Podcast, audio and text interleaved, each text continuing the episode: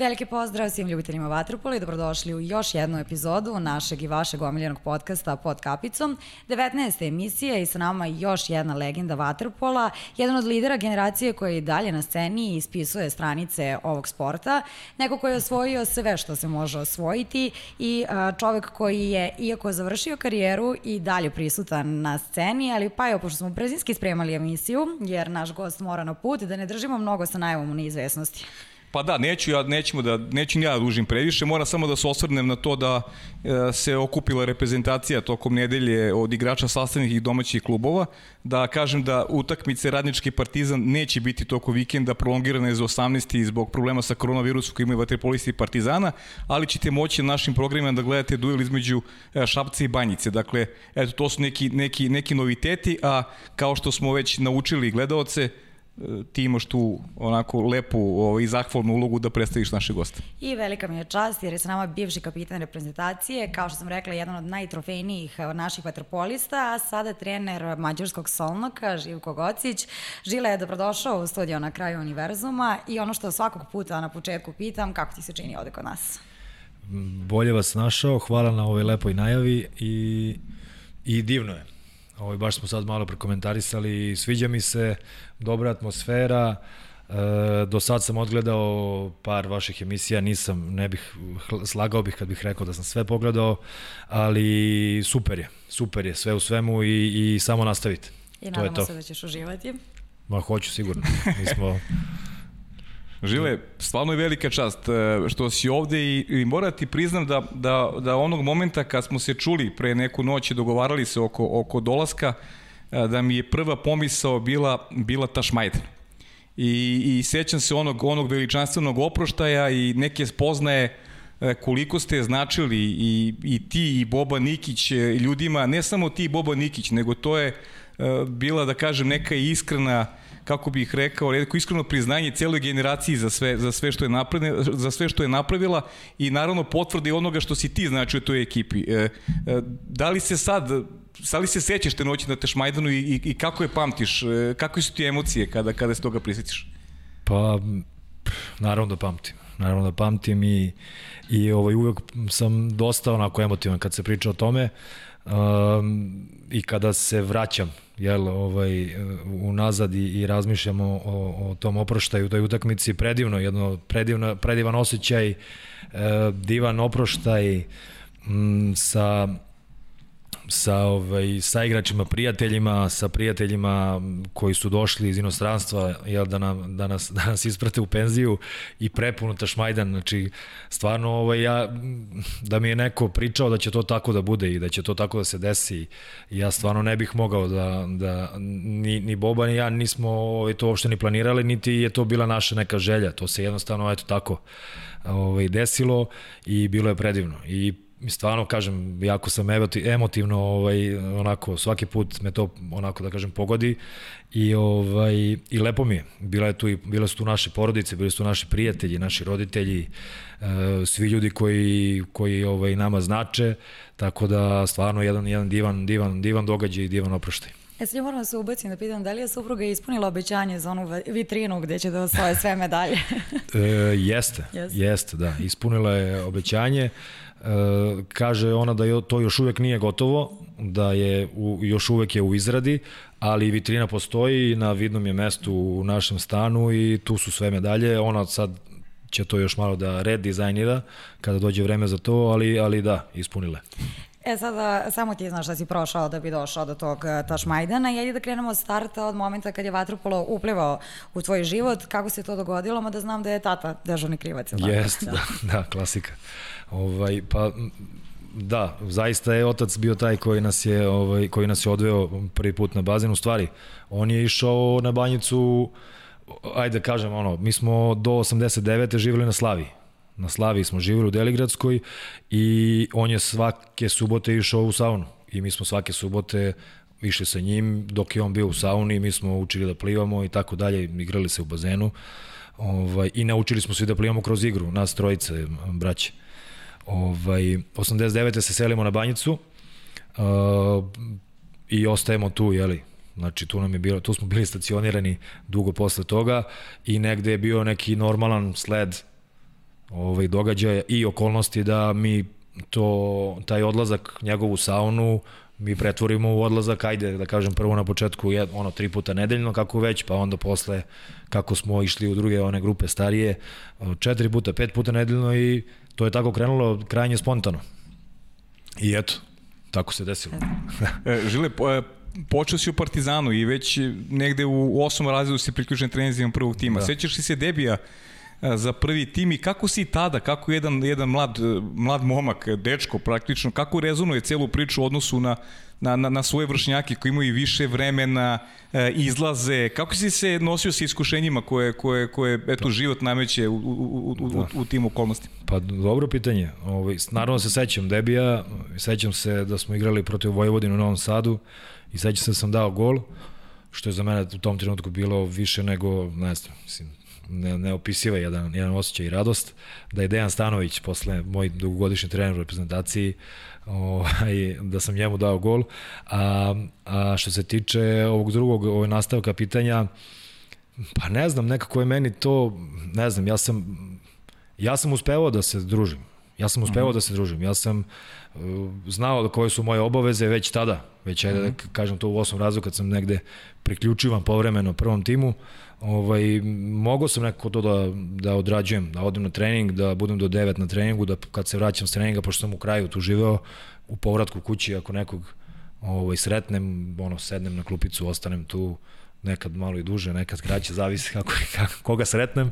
Tako da ovaj ja sam uspevao, nisam mnogo nisam mnogo ovaj ajde da kažem nešto bio izopšten iz tih nekih društvenih e, sadržaja ali nekako sam, eto, bio sam svestan toga i znao sam jednostavno da je moja obaveza da ja želim time da se bavim i da moram da budem na treningu i da moram da odrađujem to sve kako treba i da treniram maksimalno da bih eventualno došao do nekog, do nekog jel, rezultata, uspeha i, ovaj, i eto to mi se na kraju isplatilo. Sad, naravno, bilo je situacija gde su drugari i drugarice išli na ne znam ja kakve žurke i da sam ja m, bio jako, jako tužan u povremenim o, zbog propuštanja nekih tih događaja takvih i to, jer sam mislio da je to jako bitno, ali ovaj, na kraju se ispostavilo da ovaj, da sam stizao dosta toga da, da uradim i sa te strane.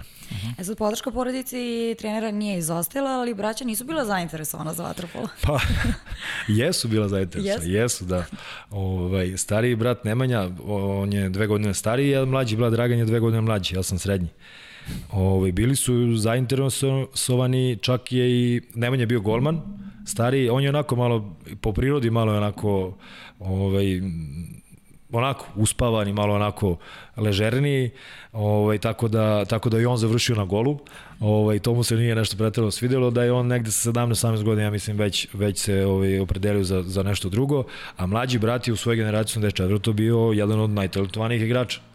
Za njega se moglo čuti na banjici da je on to jedan od najboljih u toj generaciji, da je ovaj, i stvarno jeste bio, stvarno jeste bio, međutim, on je više se opredelio za ovaj za ovo školsko dvorište i ovaj ostanak pre, pre i posle, pre i posle. ali on nije imao ovo između, on nije odlazio često na trening.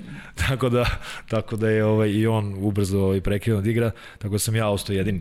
Eto, mogli smo da imamo još jednog ocića. Mogli smo. Da. E, a znaš čega se sad setio? Evo, evo, to uopšte mi nije bio plan, ali sad kad si pričao, jednom si, jednom si rekao da da je tvoja majka rekla da se nekako od srednjih deteta najmanje očekuje. Jest, pa, pa, jest. Se, pa se ispostavilo da, da je srednje jest, dete u da. stvari da. najviše uspelo u sportu. Jeste, to je, to je ovaj, čak mislim da to nije ni njena teorija, nego da je to inače ovako neka, uh mhm. -huh. ovaj, sad neke te ne znam, psihološke strane, jel? Da. Pa se ovaj prvi sinji prvenac, jel, to je ono uvek kao, je, kao što jeste tako, pa onda ja dok sam bio najmlađi u porodici, ja sam bio verovatno preuzeo primat nekog ovaj, jako bitnog tipa, a onda je došao najmlađi brat, pa je onda on znači preuzeo to, pa je prvi dalje, Nemanja i dalje bio prvenac, ja sam bio i dalje srednji, a ovaj bio mali, pusti njega, on je mali. Da, da. Znači onda sam negde bio tu uvek u, u sredini i ovaj, najmanje se negde da, ja, nije se tu nešto očekivalo preterano, čak, čak e, ja ni u svojoj generaciji nisam bio, ne znam, nisu predviđali sad da sam ja, ne znam, ne znam koliko potencijal, ultra talentovan i tako dalje, ali, ali eto. Evo, piše mi opet, opet jedna ovaj, priča vezana iz tog perioda. Rekao si jednom prilikom da vam je Nena Manojlović, pokojni, zakazao trening na koji ste došli samo četvorica.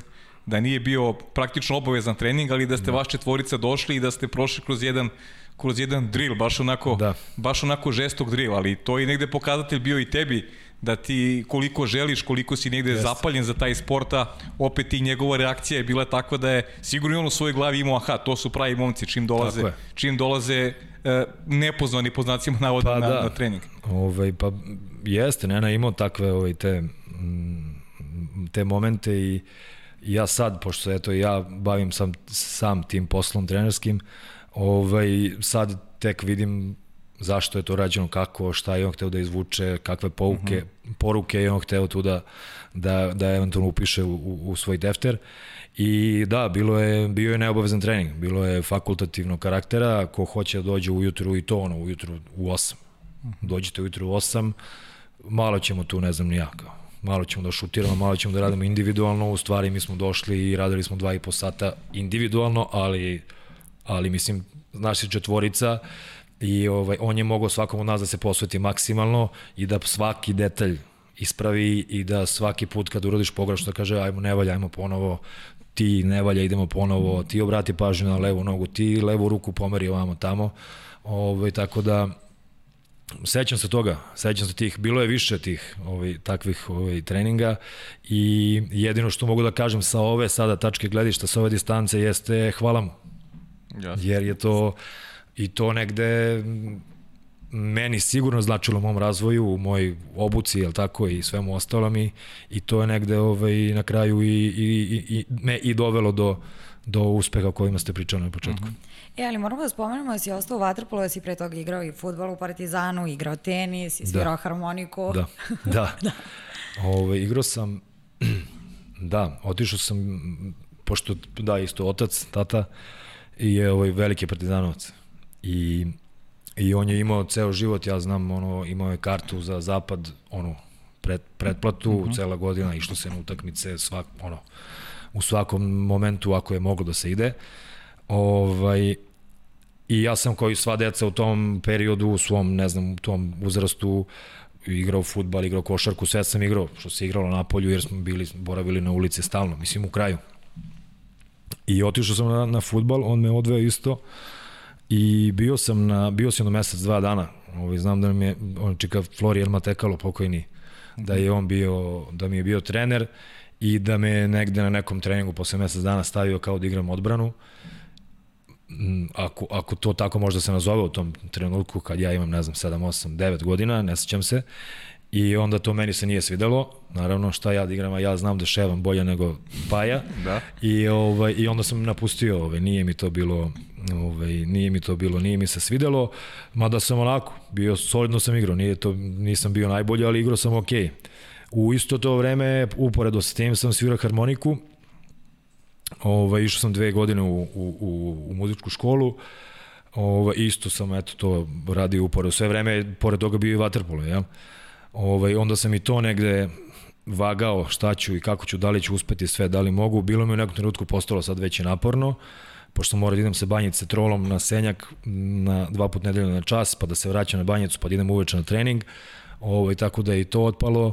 A na tenis sam išao tu isto pored bazena, su, gde su bili teniski tereni i to sam onako, to, tu sam se najkraće zadržao, tu sam odradio par treninga ovaj, nekako, eto, negde se nametnuo taj waterpolo kao, kao ovaj, nešto što mi se najviše dopadalo i gde sam se najviše pronašao. Evo, znaš da sam teo da donesem harmoniku u studiju, da je bilo više da. vremena. Da, pa je. Sad ne znam, teo se ti iznenadim, ne znam da li bi mi gledao kao da nisam normalan da. ili, bi, ili bi možda stvarno pa, svirao nešto. Znaš šta, ovaj, ja nisam svirao stvarno od tada uopšte harmoniku, možda sam jednom, dva puta. Znači, ja imam to nešto u glavi što mi je ostalo i, i ovaj, to nešto što se ne zaboravlja, ali ali stvarno nisam, ako ne vežbaš, nema to, to ne bih mogao sad nešto da... Premda sam sad ovaj, na nagovor svog starijeg sina, ovaj, za kad je ovaj počela ova korona, ovaj, prvi pik, drugi talas, kako -hmm. već se nazovem, ovaj, kupio, kupili smo synthesizer, jer je on, poka, on je pokazao, jel, isto da ga to zanima i ajde tata da, da sviramo malo i tako i onda sam počeo malo da tako sviruckam sa njim ovaj, da se prisjećam nekih stvari. Tako da, da, klavijatura, da, i to, a harmoniku stvarno nisam, nisam odavno držao u rukama. Evo, Dobro. mogli smo sad da... Pa, ne znam kako bi izgledalo od Onako. Bilo bi ne, odsvirao bi sigurno nešto. Da, da, da. da. Svi, sigurno bi odsvirao nešto, znači toliko još imam u prstima, pogotovo sad, kažem, kad sam, kad sam počeo ponovo malo da sviruckam i klavijaturu, ali, ovaj, ali daleko od toga da sam neki virtuoz. Do, doćeš ponovo. Da. e sad se opet vratimo na vaterpolo. Šta te je održalo? Upornost, ljubav, drugari iz kluba ili kombinacija svega navedenog i verovali ne, mnogo ljudi me je pitalo na Instagramu da li ti je došao jedan moment da odustaneš? Ma, kako da ne, mislim, naravno da mi je došao moment da odustanem. I ne jedan, nego verovatno stotinu. Ovaj, a održalo me, pa od svega toga što se navelo, sve, da, sve pomalo. Mislim, ja sam, kad, mogu, ja mogu da kažem slobodno za sebe da sam ja bukvalno odrastao i da sam vaspitan na bazenu. Znači, ceo svoj taj period ajde da kažem, od, od sedme godine kad sam počeo da dolazim na bazen, pa do, do 20 i, ili 21. kad sam otišao sa banjice, kad sam promenio klub, ja sam bukvalno živeo na tom bazenu. Znači mi, zato što sam u kraju, zato što sam sa banjice. Znači kod nas je bilo pogotovo za, u, u letnjem periodu kad je bio letnji raspust i to, mi smo došli ujutru na trening, bi došli u 9 ili u 8 do 10 smo odradili trening, u 10 je ulazilo građanstvo na otvoreni bazen, mi smo samo samo sa, sa unutrašnjeg prelazili na otvoreni bazen, ostajali bismo tu ceo dan do uveče do 7 i onda smo od 7 do 9 opet imali trening. Tako da sam se ja tu, apropo ovoga što je bilo pitanje početku, uh, to druženje i tako. Znači, meni su drugari iz kraja dolazili na bazen. Znači, mi smo tu imali između, između dva treninga prostor da se družimo, da, da ovaj, boravimo tu. Tako da, tako da je bilo svega toga. Sve je to bilo, ovaj, kažem, blizina bazena, isto je odigrala stvarno značajnu ulogu. Ja sad verovatno sam živeo na Bežani i da mi je najbliži bazen bio 11. april koji u tom trenutku nije, nije bio u funkciji, verovatno ne bi ništa bilo od ovoga o čemu mi sad pričam. Ali ovaj, A možda bi Komića dolazio s Novog Beograda na, na, na Da, možda, da, možda. ovaj, e, tako da je meni to bilo, ovaj, to je bilo olakšavajuće okolnosti i bukvalno ja sam imao bazen super bazen u, u kraju. I onda mi je to bilo i zabava i trening i, i druženje i drugari i drugarice i sve ostalo što nosi taj period ovaj, odrastanja i drugo imao sam, ja sam stekao naravno prijatelje, drugara i svoje generacije s kojima sam trenirao, s kojima se i dan danas ovaj, jel, družim. E, nekako jednostavno kad kažem baze Banjica i Vaterpolo klub Partizan, ja stvarno kažem da je to ono moja kuća, moj dom. Porodica. Da, i porodica, mm. apsolutno, pošto dom i kuća ovaj, je negde znak jednakosti sa, sa porodicom. Žila, ajmo malo da se pristavimo tog perioda, od tog od 1998. do 2003. godine. Kako ga pamtiš? Da li je neki onako saigrač ostavio posle utisak na tebe, trener ili možda neki događaj? Ljudi vole da nas pitaju stalno i meni i Marinu kad šalju pitanja da, da ispričate neke događaje koji su, koji su vam onako vezino da. tkivo za, za, za neki period koji ste proveli u određenoj sredini. Konkretno taj tvoj početak, to su manje više neki tvoji početci vezani za prvi tim od Jasno, da. te 98. do 2003.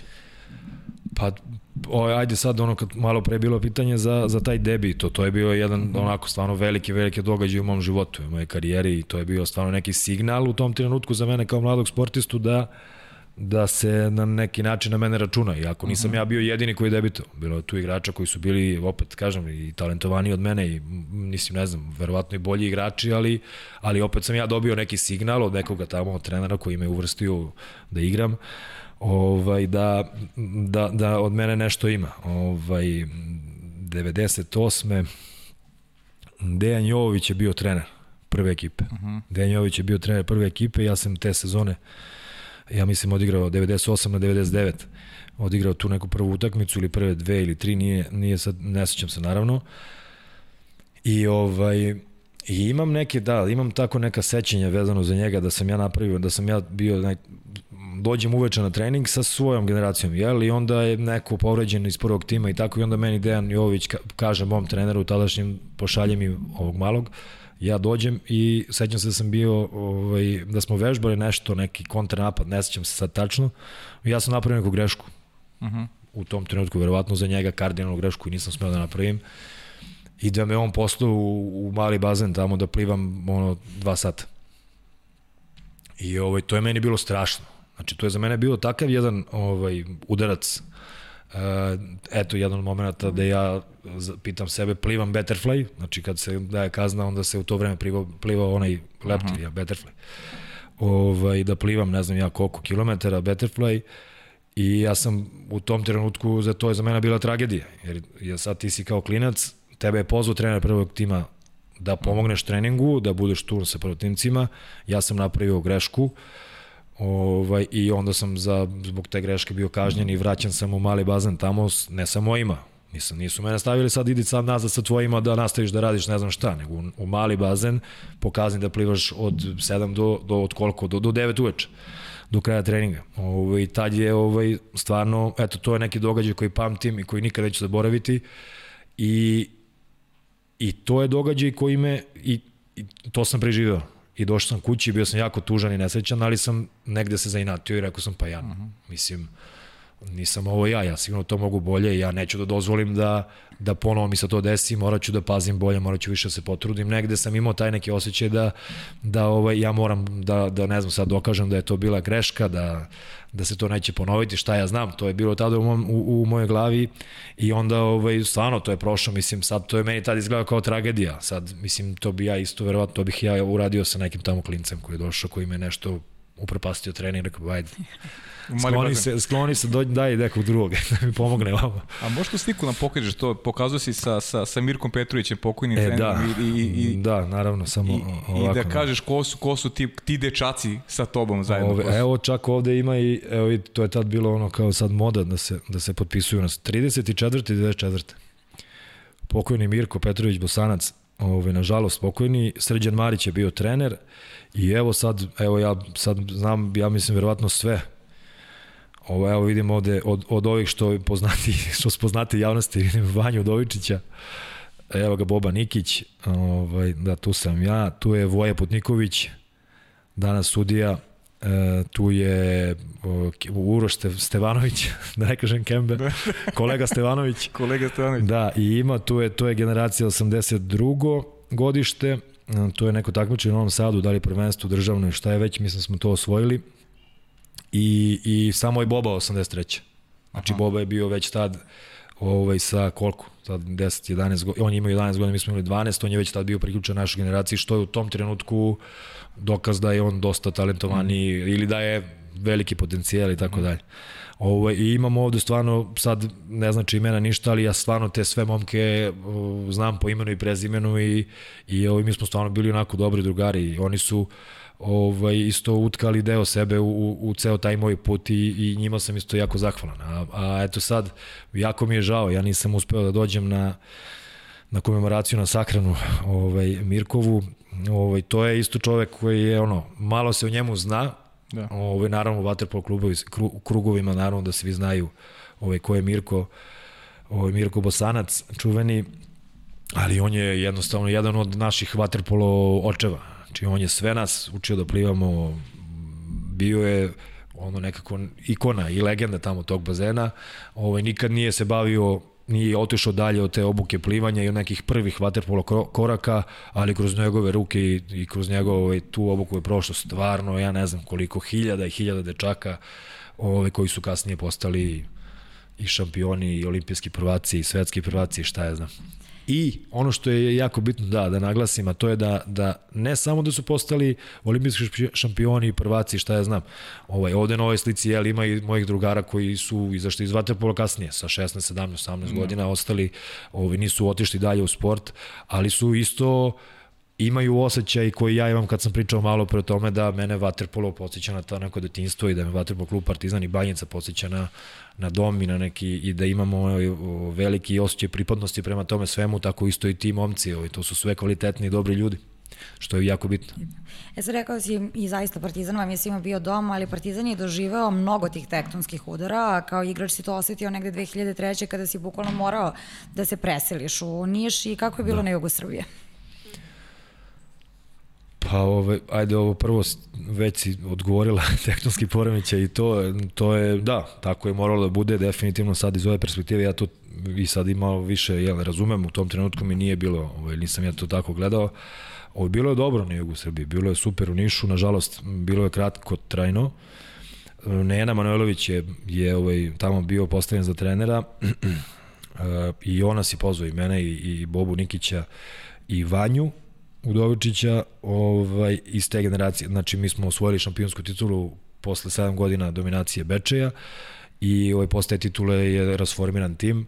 Naime, mislim, rasformiran, otišlo je 7 ili 8 igrača je, je, ovaj, je, je otišlo iz kluba i Nena nas je pozvao da idemo u Niš i u Niš je tada imao stvarno jedan onako respektabilan, dobar tim ovaj, i, i dobar je bio klub u tom trenutku. Ovaj, nismo otišli u Niš, na kraju Vanja nije uspeo da Vanja nije, u stvari rukovodstvo kluba nije uspeo da dogovorio s Vanja, Vanja završio u Herceg Novom, Boban i ja smo otišli u Niš i ovaj, bilo je lepo, bilo je lepo, bili smo, bilo je dosta uspešno, igrali smo polufinale Kupa Len, igrali smo finale play-offa, igrali smo finale kupa, o, šta je to bilo? Srbije, SRJ, SRJ još uvek, da, i, ne, SCG, SCG, SCG, da. Ovaj, tako da to isto pamtim po lepo. Inače, ja sam poreklom iz Niša. Moj otac je Nišlija, to jest nije Nišlija nego Matevčanin, gornji Matevčanin, da se ne urede donje Matevčanin. ovaj, i, i ovaj, tako da je meni tamo, da, ono, mislim, rodbinu imam i to sve, tako da mi je bilo lepo. Ja, nisam se osjećao kao da sam negde, i tamo sam imao neke osjećaj kao da sam kod kuće, malte ne. ne. Ja moram samo da se ubacim, Kuljačan mi je pričala da si trenirala po 9 sati, ili imaš ti neku anegdotu kao što je on rekao recimo za Niš Express kada je putovao do Montpellier 57 sati? e, to je bilo, o, jeste Kuki malo pretano sa 9 sati, ali jeste bilo stvarno, Nena je bio, znači Nena je stvarno bio ovaj, krvnik što se toga tiče. Ovaj, ja sam taj Montpellier preskočio jer je to bilo prve godine Niša. A ili si znao da se prva godina, ne, prva godina Niša, ja sam još uvijek bio u Partizanu. Ja sam još uvijek bio u Partizanu, ovaj, a, onda, a onda sledeće godine sam ja došao, priključio se Nišu, Bobanija. Tako da ovaj, smo izbegli to putovanje u Montpellier. Ali sigurno je bilo nekih anegdota. No, kako da ne, pa mislim, bilo je anegdota onoliko, onoliko anegdota, ovaj, to su ono, mislim, naravno ovako sad kad me pitate, ja ne mogu sad eto da se setim u trenutku, ali stvarno ovaj, uopšte, mislim, bavljanje sportom i, i, i, i bivstovanje u jednoj ekipi sportskoj je predivan, ono, to je predivan način života. Divno, ja, to su meni stvarno neke uspomene koje Ovaj, ja sam siguran da, ne, da mi tako ponovo lepo neće biti nikad. Znači, ovaj, ali, ali dobro, bilo je, bilo je lepo u Srbiji. Bio je lep, Niš je, Niš je bio stvarno ovaj, u tom trenutku, kažem, mi smo bili drugi ili treći tim u zemlji, ovaj, radili smo lepo sa Nenadom, jako, jako, jako naporno, on je bio jako veliki radoholik i, i bio je mnogo posvećen vaterpolu i bio je stvarno ono ono, baš je bio onako do koske u tome i je tražio od svih nas da budemo isto takvi. Ove, nije dozvoljavao da se bude ovaj, na pola. On je stalno govorio, ne možeš na pola, ovaj, ili ćeš ili ćeš bu. ovaj, to je meni tako, ja se, ja se sa suprugom šalim stalno, pošto ovaj, um, ona je, jako dugo smo zajedno, znači 20 godina ona je prošla pored mene neke te sve moje neke te mladalačke probleme u sportu, tako i kad sam ja bio kivan i ljut na ovog, na onog trenera, na Nenu, na Dejana, na ne znam na koga sve, ovaj, i onda se mi tako šalimo često, ja uvek neke nenine ovaj, doskočice i neke njegove rečice upotrebljavam i onda ovaj, i ona je godinama već upoznata sa tim. A to bi Nena rekao, da, to bi rekao Nena. tako da. E, malo ću da te držim još u Partizanu, samo na kratko. Ova tema koja, se, koja je bila aktualna tokom leta. Da. Potpisnik si tih, e, tog pisma, tražili ste smenu uprave. Aj samo na kratko, kažem, neću da se, znam da i nisi ni ovde, ko, koliko je situacija bolje nego što je bila? Šta se dešava u Partizanu onako u najkraćim crtama da te mnogo ne, ne davim. U najkraćim crtama koliko je bolja to će vreme da pokaže. Da. Ovaj ono što je bio negde što je bila ideja i odakle je poteklo sve jeste da on neki ukidač za za to pismo i za tu našu neku ajde da kažem pobunu jeste da da je da je Partizan sa ne znam ja 500 dece kad smo mi igrali u Partizanu došao na 70 da baze ne radi da nema tople vode da deca ne mogu da treniraju i tako dalje tako da to je stvarno ovaj jako jako onako s obzirom na ovo sve što sam rekao malo pre za nas jako bolno bilo.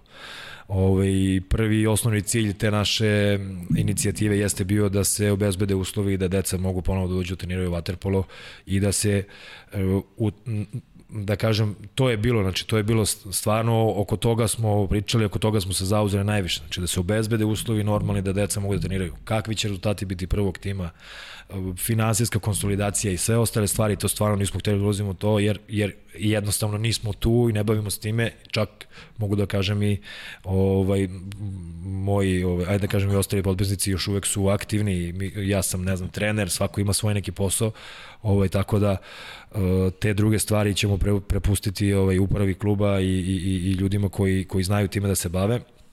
Uh, jeste se pomerilo, jeste se došlo do promena, uh, eto, sad je bio taj problem, nije bilo struje, uključena je struja ponovo, uh, sad trenutno se ovaj, podlači crta, jeli, koliko se duguje, uh, prema kome, ko su sve povernici i tako dalje, to je sve jako dugo, dugo, dugotrajna i, i, i mukotrpna procedura. Ovaj, kada bude to se izračunalo i kada se bude došlo od tih podataka, definitivno onda će verovatno i to biti iznato sve u javnost i ovaj i pokušat će se na sve načine da svako će u svom nekom domenu pokušati da pomogne ovo što sam naveo više puta to je da postoje normalni uslovi, da voda bude topla, da bazen radi normalno i da deca mogu da treniraju. A sve ostalo je već u, u, ovaj, u rukama ljudi koji koji će probati da, da i taj finansijski deo i ostale sve stvari koje su potrebne i neophodne za, ruko, za rukovodđenje jednim sportskim, eh, sportskom organizacijom dovedu, do, dovedu u neko normalno stanje. E sad ja ću iz Srbije da te prebacim malo u inostranstvo. Prvi kontakt s inostranstvom je bila Italija, prelep deo Sicilije. Da. Zanima me kako si prošao u sportskom smislu, ali iskreno mene više zanima život na Siciliji. pa, da, baš super si postavio pitanje ja sad kad bih otišao da živim na Siciliji u Sirakuzu, meni bi bilo predivno. Sa dvoje dece, sa suprugom, lepo vreme, sunce, mali grad, nije preveliki Sirakuza, prosto milina jedna. Ne pada kiša nikad, zato što je ovaj malo ispod južnije od Katanije mm. i onda kaže ti oblaci koji donose kišu sa severa se zaustavljaju kod Etne i ne prelaze preko Etne da što su nisko, da što su teški i onda ta kiša sva se ispada tamo negde oko Katanije i pre Katanije i onda ništa ne, ne stigne vamo. Jako redko stvarno, Divno. jako redko. Kada bi padala kiša, ovaj, toga se sećam da je padala crvena kiša jer je dola iz Afrike uh mhm. -huh. sa peskom sa druge strane dolazila. Ovaj, ali je stvarno, evo sad recimo za mene sa porodicom bilo bi predivno. ovaj, a, ovaj, ja sam otišao tamo mlad i, i ja sam došao tamo u avgustu I do početka ovaj, školske godine, to je do početka fakulteta, do 1. oktobra, do početka predavanja, bilo je strava. Da se izrazimo ovaj žargonom ovaj, mladalačkim. Ovaj, bilo je tu, znači, ono, i mladog sveta i bilo, išli smo na neke žurke posle treninga i tako. Bilo je super, stvarno, klub je onako um, dobro funkcionisao u to vreme. Um, neka sredina tabela italijanske prve lige smo bili. Ovaj, kasnije se ispostavilo, a sve se završilo kad je došao 1. oktobar i kad je ovaj, se ispostavilo, kad sam ja shvatio da u Sirakuzi ima samo jedan fakultet, arhitektonski, i da ono, svih 500 đaka, svih 500 ovih studenta su tu iz Sirakuze ili iz okolnih mesta, a svi drugi od 18 do XY godina su negde i studiraju nešto. Ovaj, tako da sam ja negde ostao tu sa mojim saigračima iz ekipe i, i ovi sa polu nekim, ili, ili nekim baš mladim ljudima ili nekim malo starijim u tom trenutku od mene gde nisam ovaj um, šta je mladom, šta je momku u tom, u tom periodu ovaj, bitno. Da može da izađe, da, da može da da ovaj se sa provodi sa vršnjacima i tako dalje to nije bilo zastupljeno, opet s druge strane je bilo dobro sa moje sportske, sa, iz sportskog aspekta, jer sam ovaj stvarno lepo trenirao, ovaj, i to je bio neki, neki ja da kažem, prvi korak u toj, u toj internacionalnoj karijeri i ja sam srećan i zadovoljan sam što sam bio tamo. To je potrebalo isto samo godinu dana, nažalost, ali da. dobro. Ali zato ideš u Mosku posle. Ali zato idemo u Mosku, Ideš da. u Mosku, malo život na koji si se da. onako navikao. A da, prestonica, yes, veliki grad, da. to, ti, to ti onako više leže. Kako pamtiš tu Mosku? Pa da, tako. Ovaj, ne. Čudan je taj isto. Čudan je poziv Rusa da ja odem tamo, ovaj, bio je predolimpijski, da, te godine kad sam otišao u Ortiđu, u Sirakuzu, bili smo, prethodno su bili, bio je predolimpijski turnir u, u Moskvi smo igrali. Uh -huh. I Nena je bio selektor, Manojlović, Nena nije poveo ovaj, starije igrače u tom trenutku, nego smo išli uglavnom mi koji smo bili tu u domaćem prvenstvu. Lepo smo tamo, a bile su recimo Rusija je bila sa prvom ekipom, svojom reprezentacijom, bili su recimo sad slagaću Italijani i još neka tako ekipa, četiri ekipe su bile, gde smo mi ovaj, odigrali jako dobro. I ja sam poneo epitet, ovaj, ne znam kako, najbolji odbrbeni igrač na turniru. Eto je naša, da kažemo, koleginica Aleksandra i postavila, to smo Jest, htjeli da ti da, pitamo. Da. da. I, i sećam se da sam dobio kao nagradu ovaj, u Moskvi na turninu Epsanov štampač. štampač. Ovo Riki u to vreme, to je 2004. leto pred olimpijadu, pred Atinu. Šta si radio s tim Pa ne znam, ja, ja se ne sećam. Dono sam ga u Beograd. Yes, ali sam ono, maltene, morao da platim tamo pod, do, znaš, sam daju ti štampača u liki. Ovaj, dono sam ga, pa ne znam kome sam, poklonio sam taj štampač. Uglavnom, odlazim u Ortiđu, završava sezona u Ortiđi i meni se e, javljaju u tom trenutku, da, pozvao me Herceg Novi Jadran uh -huh. i pozvali su me Rusi, Dinamo. Ovaj, Sora u stvari, pošto su Sora kontaktirali, koji je već bio tamo prethodno u šturmu, Ovaj daj pozovi kaže ovoga što je bio no, prošle godine što je, što je bio što je uzeo štampač da to. I ovaj tako je došlo do kontakta. E, to u tom trenutku znate Dinamo Waterpolo klub jeste to naravno poznato da Dinamo postoji da je to jedan od najboljih klubova u Rusiji sa velikom tradicijom i tako dalje, ali u tom trenutku naši igrači nisu uopšte išli na to tržište tamo. Nije postojalo kao u stvari postoje Šturm, gde su Šturm, igrali, da, da Šturm, Šapić. Uh, AC je posle došao godinu da. dana, ali prethodno su igrali Jugoslav Vasović, e, Slobodan Soro, Čeda Drašković, Marko Mićić i tako, Goran Kasnožić, Rista Majković, mhm. -huh. oni su odišli tamo godinu dve prethodno, pre toga. I onda su i, Dina, i Dinamo je kao krenuo da pravi ekipu i ja sam tako završio u Dinamu. Odlučio sam za to i to je isto bio neki potez koji je u tom trenutku negde su meni rekli kao pa dećeš to je daleko, ko to prati, pa nisi pod, na oku ovde selektoru ili tako i ovako, pa pazi, pa nemoj. Ali eto, ja se opredelio za to i tamo sam bio, potpisao ugovor na tri godine. Uh -huh. I ovaj, ugovor koji je bio onako dosta solidan finansijski i i klub je bio dobar i imali smo solidnu ekipu, pogotovo u prve godine, ja to pamtim da smo bili baš onako mlada ekipa. Uh, Uh, Slobodan Soro je bio sa mnom, on je bio na golu, uh, ja sam bio drugi stranac, bio još jedan uh, Žolt Varga, Mađar, koji je iz Solnoka. Uh mhm. -huh. Koji je iz Solnoka. Ovo je u tom trenutku ja nemam uopšte predstavu nikakvu kakav Solnok, kakvi... Na. Ne znaš ni gde je Solnok. Bukvalno. Znam da postoji vaterpolo klub Solnok, ali mi je to ono. I ovaj, sa Žoltom smo, smo ovaj, bili Soro i ja i sa ostalim, sada nabrajam sve tamo igrače. Bilo su lepe dve godine lepe dve godine. Uh, onako, ja sam zavoleo taj grad, ja sam zavoleo Rusiju za te dve godine.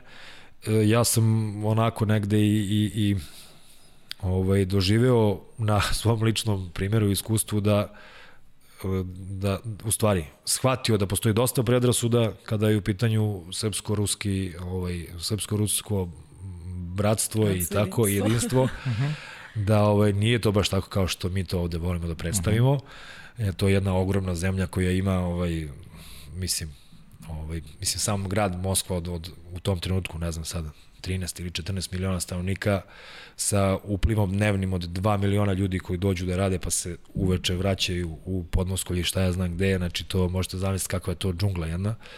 Ovaj, ali ja kažem, ja sam zahvalan ovaj, stvarno vaterpolu i životu, ono, i životu u Rusiji, jer sam stvarno mnogo toga naučio. E sad Dinamo je, kao što si sam rekao, najbolji ruski klub i već si mi odgovorio na pitanje koje sam htjela da ti postavim s kim si delio bazen. Ako se setiš neke anegdote još ili da mi prelazimo na Partizan? Pa ja bi ovo možda se držimo oko te Moskve ako da, ima pa još nešto, da, pošto vidim pa da je ostaje utisak na tebe, Jeste. pa, pa nije loše da nam, da nam podeliš još neke iskustva. Jeste, ovaj, recimo ono što, što mi sad prvo pada na pamet je ovaj, putovanja naš po, po Rusiji vozom. Znači oni su izbegavali, pogotovo u zimskom periodu. Ovaj, tamo zbog uh, nemogućstva, kako da kažem, uh, ogromne zemlje, jel? I, I prvenstvo je bilo, recimo, imalo je 12 ekipa, ali nije se igralo nisu se igrala normalna kola kao što bi se igralo recimo u našem prvenstvu Srbije i u ostalim prvenstvima, znači da nije bilo ono subotom da igraš utakmicu, nego su se igrali turniri. Ovaj, na početku sezone bi se odigrao turnir gde bi se opredelilo recimo prva grupa i druga grupa. Prva grupa je bila recimo prvih šest, a druga grupa je bila drugih šest. I onda ovaj, u suštini ti bi se na početku susreo sa ovima ispod od šestog pa na dole mesta i posle bi oni igrali svoju zasebnu ligu, a ovih prvih šest bi igrali svoju, recimo da kažem, super ligu. I odiglavili su turniri u jednom u mesec dana se tur, to su oni zvali tur, ide u Kazanje i u Kazanju se bude 5 dana i odigra se sva, svako sa svakim odigra jednu utakmicu. Pa se onda i ponovo ide da se trenira, pa se onda za mesec dana sve ekipe sastaju u Čehovu kod Šturma, pa onda u, u Moskvi kod Dinama i tako. Ovaj, to je bilo isto čudno. Ovaj, tako se igralo, ali je bilo zanimljivo prvenstvo. Bilo je jako i, i kažem, stvarno sam srećan što sam bio tamo. Da se vratim na ta putovanja. Išli smo vozom, pogotovo u zimskom periodu, jer su se rukovodioci tad Dinama plašili da letaju i onom ovaj, tu poljevima zimi. Ovaj, onda smo recimo ono, sad ide se na, na Volgogradski vokzal, što je Volgogradska železnička stanica, Volgogradska železnička stanica u Moskvi i putuje se od e, Moskve do Volgograda 19 sati. 19 sati traje putešestvije. Ove, tu se ona kupe za spavanje, jel? Spavaće kola, po četvorica ovi smo u kupeu, treneri su u prvom kupeu i ostalo je sve, sve su igrači do kraja vagona. Ovaj, naravno da Rusi kao takvi prvo što urade jeste da dobro, dobro se ovaj, um, da kažem snabdeju ovaj, alkoholom i grickalicama i ostalim stvarima, kažem za stručni štab. Ovaj, ako kreće voz recimo u 3 popodne iz Moskve, on stiže sutra ujutru rano u Volgograd Znači, ako krećemo u 3, ali voz kreće u 3.00, to je stvarno nešto neverovatno. Ako piše da kreće u 3, u 2.59, 59, on je već zviždao i kreće voz sigurno u 3. Oni su u 3.45, znači taj kupe gde su treneri i gde je rukovodstvo, to je to je stvarno show program bio. Oni su toliko popiju te vodke i toliko to je bilo, meni, za mene to bilo stvarno neverovatno. Ja, koja ti je omiljena ruska vodka? Ja, zavisi, ima ih više. I ne mora da bude ruska. ne mora da bude ruska, da. Ovaj, tako da je to za mene bilo, to su bila za mene anegdote, ono stvarno, ja to nikad nisam video tada da, se to toliko, da je to toliko normalno tamo da treneri sednu i, i maseri, i doktori, i, i skauti da sednu i da, i da krenu da piju i da jedu kisele krastavce i šunku i šta ja znam šta sve. Ovaj, čak ni ne odu do onog kupe, do onog vagona, nego oni tu kupeu iznesu ono, piletinu, sve onako, mislim, prosto neverovatno nešto. Ali jednostavno sam svadio da je to njima najnormalnija stvar, da je to njima, eto, neki tako rituali, da je to sve tako normalno kod njih. Ovaj, to mi je bilo baš upečaljivo, ta putovanja vozom. Ovaj, te ruski gradovi, ostali koji sam video, e, isto, znači, neverovatna jedna zemlja. Neverovatna jedna zemlja, prevelika i pre bogata i pre bogata, da kažem, i kulturom i umetnošću i svači rečem i sportski i, i nauka i stvarno su onako jedna zemlja koja je onako za, za mene veliko strahopoštovanje prema Rusiji. Uh -huh. ali, ali ako te budu zvali budeš tamo trener suočen sa svim mojim iskustvima. A? pa ništa morat da se prebacim na taj njihov sistem. na njihov mod. Da, na njihov mod, na njihov način funkcionisanja. Pa ne, mislim zašto ne, šta znam, sad ovako, Šalim ovaj, to je, naravno zavisi sad Ovaj, ja sad imam veću porodicu i ja sad već nisam sam u ovom, u ovom mm -hmm. celoj ovoj priči, tako da, da ne odlučujem samo ni ja. Da li može žena da se prebaci na da, ovaj, ali, ali ovaj, eto i oni su sad negde u nekom, ajde da kažem, onako negde kaskaju, nisu, ne pronalaze se još uvek, premda imaju stvarno dobre te mlađe generacije, imaju dobre igrače i dobre, da kažem, istabrane klubove i to, ali ovaj, ja im želim ovaj, da se što pre vrate u vrh svetskog vaterpola gde su bili. Žile, sledi iz Moskve Beograd opet, vratio si se malo u Partizan. Da. Proveo tu opet neko vreme, dobra ekipa, već si došao sad kao neko da. ko već ima iskustva i istekao i neko, da, evo, to da sam, kažem i neko ime, tu si nešto ljud bio na toj da, slici. da, evo to se ja vratio, sa, pa je bila ovaj, Nidža rađen je nosio trojku, pa sam ja uzeo osmicu. Mm. Toga se sećam, ovaj, vratio se 2000 Da, ja sam odradio dve godine u Moskvi i trebalo sam da odred, trebalo je da odigram još godinu dana po ugovoru. Međutim, oni su druge sezone doneli došlo je do promene tamo Waterpolo, u Waterpolo savezu i smanjili su broj stranaca u ligi sa 3 na 1. Uh -huh. Gde je došlo do toga da su oni uh, hteli da ostave u te godine je već bio Branko Peković, Soro je otišao druge godine, ostali smo, došao je Branko Peković, Žolt, Varge i ja smo ostali. Oni su uh, hteli da Branko ostane kao stranac, jer im je centarska pozicija bila neophodna u tom trenutku, a meni su ponudili da ostanem, da igram evropska takmičenja i ovaj sad koliko to sad istina ili ne istina, ponudili su mi pasoš, državljanstvo njihovo da dobijem, mm -hmm. da mhm. kao sačekam ne znam ja koliko, koji period, da, da dobijem pasoš pa da mogu da nastupim kao domaći. Međutim, ja naravno nisam se opredelio za to, s obzirom da sam bio u, u, da sam bio mlad za tako nešto, da bi, da bi čekao ja sad, da bih čekao ruske papire, šta ja znam. Ovaj, opet se bio pojavio u tom trenutku Jadran Herceg Novi. Pojavila se bila i, da, Jadran Herceg Novi i, i Partizan. Ovaj, međutim, ja sam već bio pregovarao debelo u pregovorima sa Jadranom, ovaj, kad je Partizan reagovao i, i ovaj, naravno da nije bilo sad tu mnogo, čak, čak, je i, čak su i finansijski ovaj, ajde neću da kažem da je bila kao trka, da ja sam ja odlučivao uh mhm. -huh. ko će da više novca da mi da, ali u suštini ovaj Partizan je dobro isparirao toj ponudi iz Jadrana i, i dao mi ugovor na tri godine.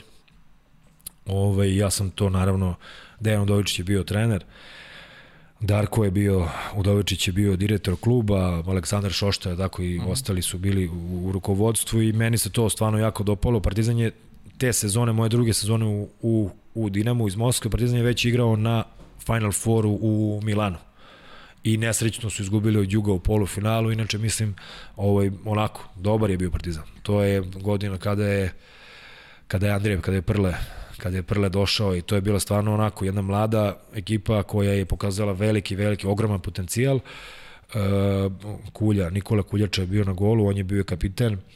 Ovaj, I meni se svidelo to sve i ja sam onako dosta brzo prihvatio tu ponudu Partizana, izvinio se Jadranu, ovaj, nažalost nisam odišao Herceg Novi, koji isto imao sličan ovaj, neki koncept je napravljen, gde je bio tu povratak jel, igrača iz inostranstva i Peđa Jokića i Nikola Janovića i Borisa Zlokovića kasnije. Ovaj, ali eto, ja se opredelio naravno za Partizan, vratio sam se kući, bio sam tri dana u Beogradu, tri dana, Tri, tri godine sam da. ostao u Partizanu. Zato što si sad bio tri dana pa ti to Da, da, evo, da, treći dan provodim sad, druga noć, treći dan. Ovaj, I to je jedan od stvarno mnogo, mnogo, mnogo lepih uh, perioda u mom životu. 2007. do 2010. Vratio sam se u Partizan, uh, bila je stvarno dobra ekipa, jako, jako dobra ekipa. Uh, nažalost nije bilo nekog, nismo imali nekog sad takmaca velikog u domaćem prvenstvu, više smo se spremali za, za, za Ligu šampiona, za evropska takmičenja, mm, nismo nažalost uspevali u prve dve godine da se plasiramo na Final Four, eto šta je, šta je, šta je sport. Da. Znači 2006. 7. Partizan je odišao na Final Four, ajde da kažemo neočekivano, stvarno su igrali fantastično vaterpolo. Ovo je onda sam ja došao, 2007. na 8. pa je došao, da li iste godine, da li je Soro došao isto sa mnom iste godine, šta je, uglavnom, dolazili su reprezentativci, su se vraćali u, u zemlju, pa je sledeće godine došao Vlada Vujasinović, Juga Vasović je došao kad i ja, znači imali smo stvarno jednu ekipu, onako, baš, baš dobro, respektabilnu, Ovaj, prve godine ispadamo u četvrfinalu Lige šampiona od mladosti, od koje smo po mom da, ajde, mi smo svi mislili da smo bolji i mi smo imali s njima sparinge, utakmice, to i mi smo ih stalno dobili. Na kraju došlo to finale, nesrećno da smo posle peteraca ovde smo odigrali nerešeno i ovde i tamo smo stvari odigrali nerešeno i na kraju su odlučivali peterci. Ispali smo posle peteraca. I mladost je odišla na Final Four, onda sledeće godine 2008 9 onda se vratio Vlada, -huh. Vujasinović, onda je to opet dobilo neku još, ajde da kažem, ovaj, neku onako veću potporu i i ovaj stvarno je vlada bio nek, negde ovaj stvarno onako vođa i, i tadašnji ono i u reprezentaciji i tada u klubu i i ovi, svi smo dobili jedan onako veter u leđa njegovim dolaskom, međutim i te godine ovaj, dolazimo do Juga, u četvrtfinala Juga iz Dubrovnika, gde, gde opet ispadamo u četvrtfinalu. Četvrtfinale se tad igralo, znači bio je Final Four, četvrtfinale se igralo na dve utakmice. Jedna kod kuće, jedna na strani i, i ovaj, te godine ponovo ne odlazimo na Final Four, nažalost. I onda, ovaj, šta je bilo treće godine, dolazi, da, to leto 2009. Mm, pre, znači posle tog poraza od Juga, Dejan Udovičić je podno ostavku, došao Igor Milanović za trenera, Igor je došao za trenera, a mi smo 2009. u letu, sad ne nije vezano za Partizan, ali smo mi ovaj, ajde, 80% te ekipe koja je igrala u Partizanu i osvojila svetsko prvenstvo u Rimu sa reprezentacijom. Da. Ovaj, de, 2009. 10. već Igor bio trener, Ovaj, to je bilo ovaj, stvarno jedna dominantna sezona za nas, znači neverovatno. Ne znam da smo izgubili jednu utakmicu. Izgubili smo jednu utakmicu. Mhm. Polufinale od Proreka, polufinale Lige šampiona. Šampion. Ovaj, stvarno smo igrali jako dobro, tu je isto, ajde, mislim, nesrećno. Ovaj, izgubili smo to polufinale, ovaj, ali stvarno bila jedna sezona stvarno neverovatna. Baš smo igrali dobro i, i ovaj, Igor je donao neke, neke promene i neki način razmišljanja koji je nama svima u tom trenutku odgovarao definitivno ovaj, i ekipi odgovarao i, i ovaj, napravili smo stvarno dobar rezultat, ali eto, za mene veliko razočarenje jer nisam osvojio kup šampiona Ligu šampiona s Partizanama, mislim da smo te godine stvarno bili jako blizu toga, izgubili smo prvo reka na produžetki, znači smo vodili nešto, neverovatno utakmicu, mi smo vodili 5-1, recimo.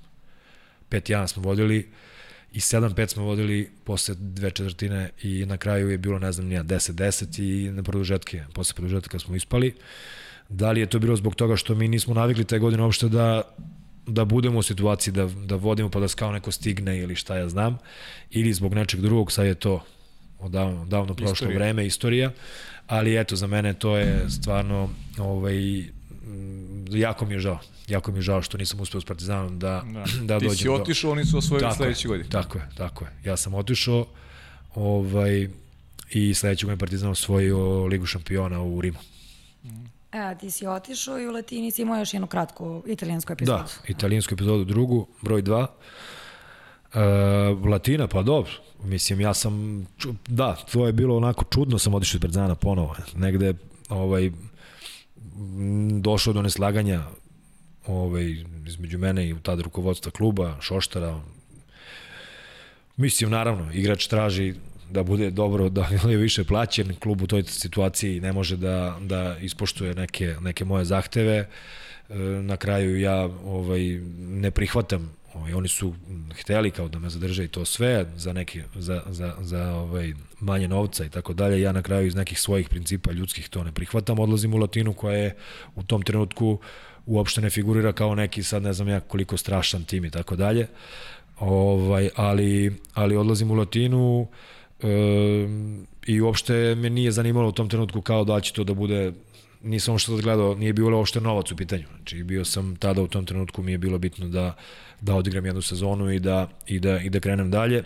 Tako da je tako otprilike nekako i prošla ta Latina. Uh mhm. -huh.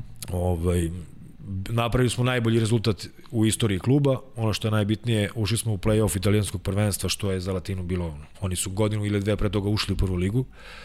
Ovaj, te godine smo dovedanje od zvučnih imena Sandro Calcatera, legendarni centar, da. centar da italijanske reprezentacije Proreka i ne znam, stvarno jedan, jedan strašan centar je bio.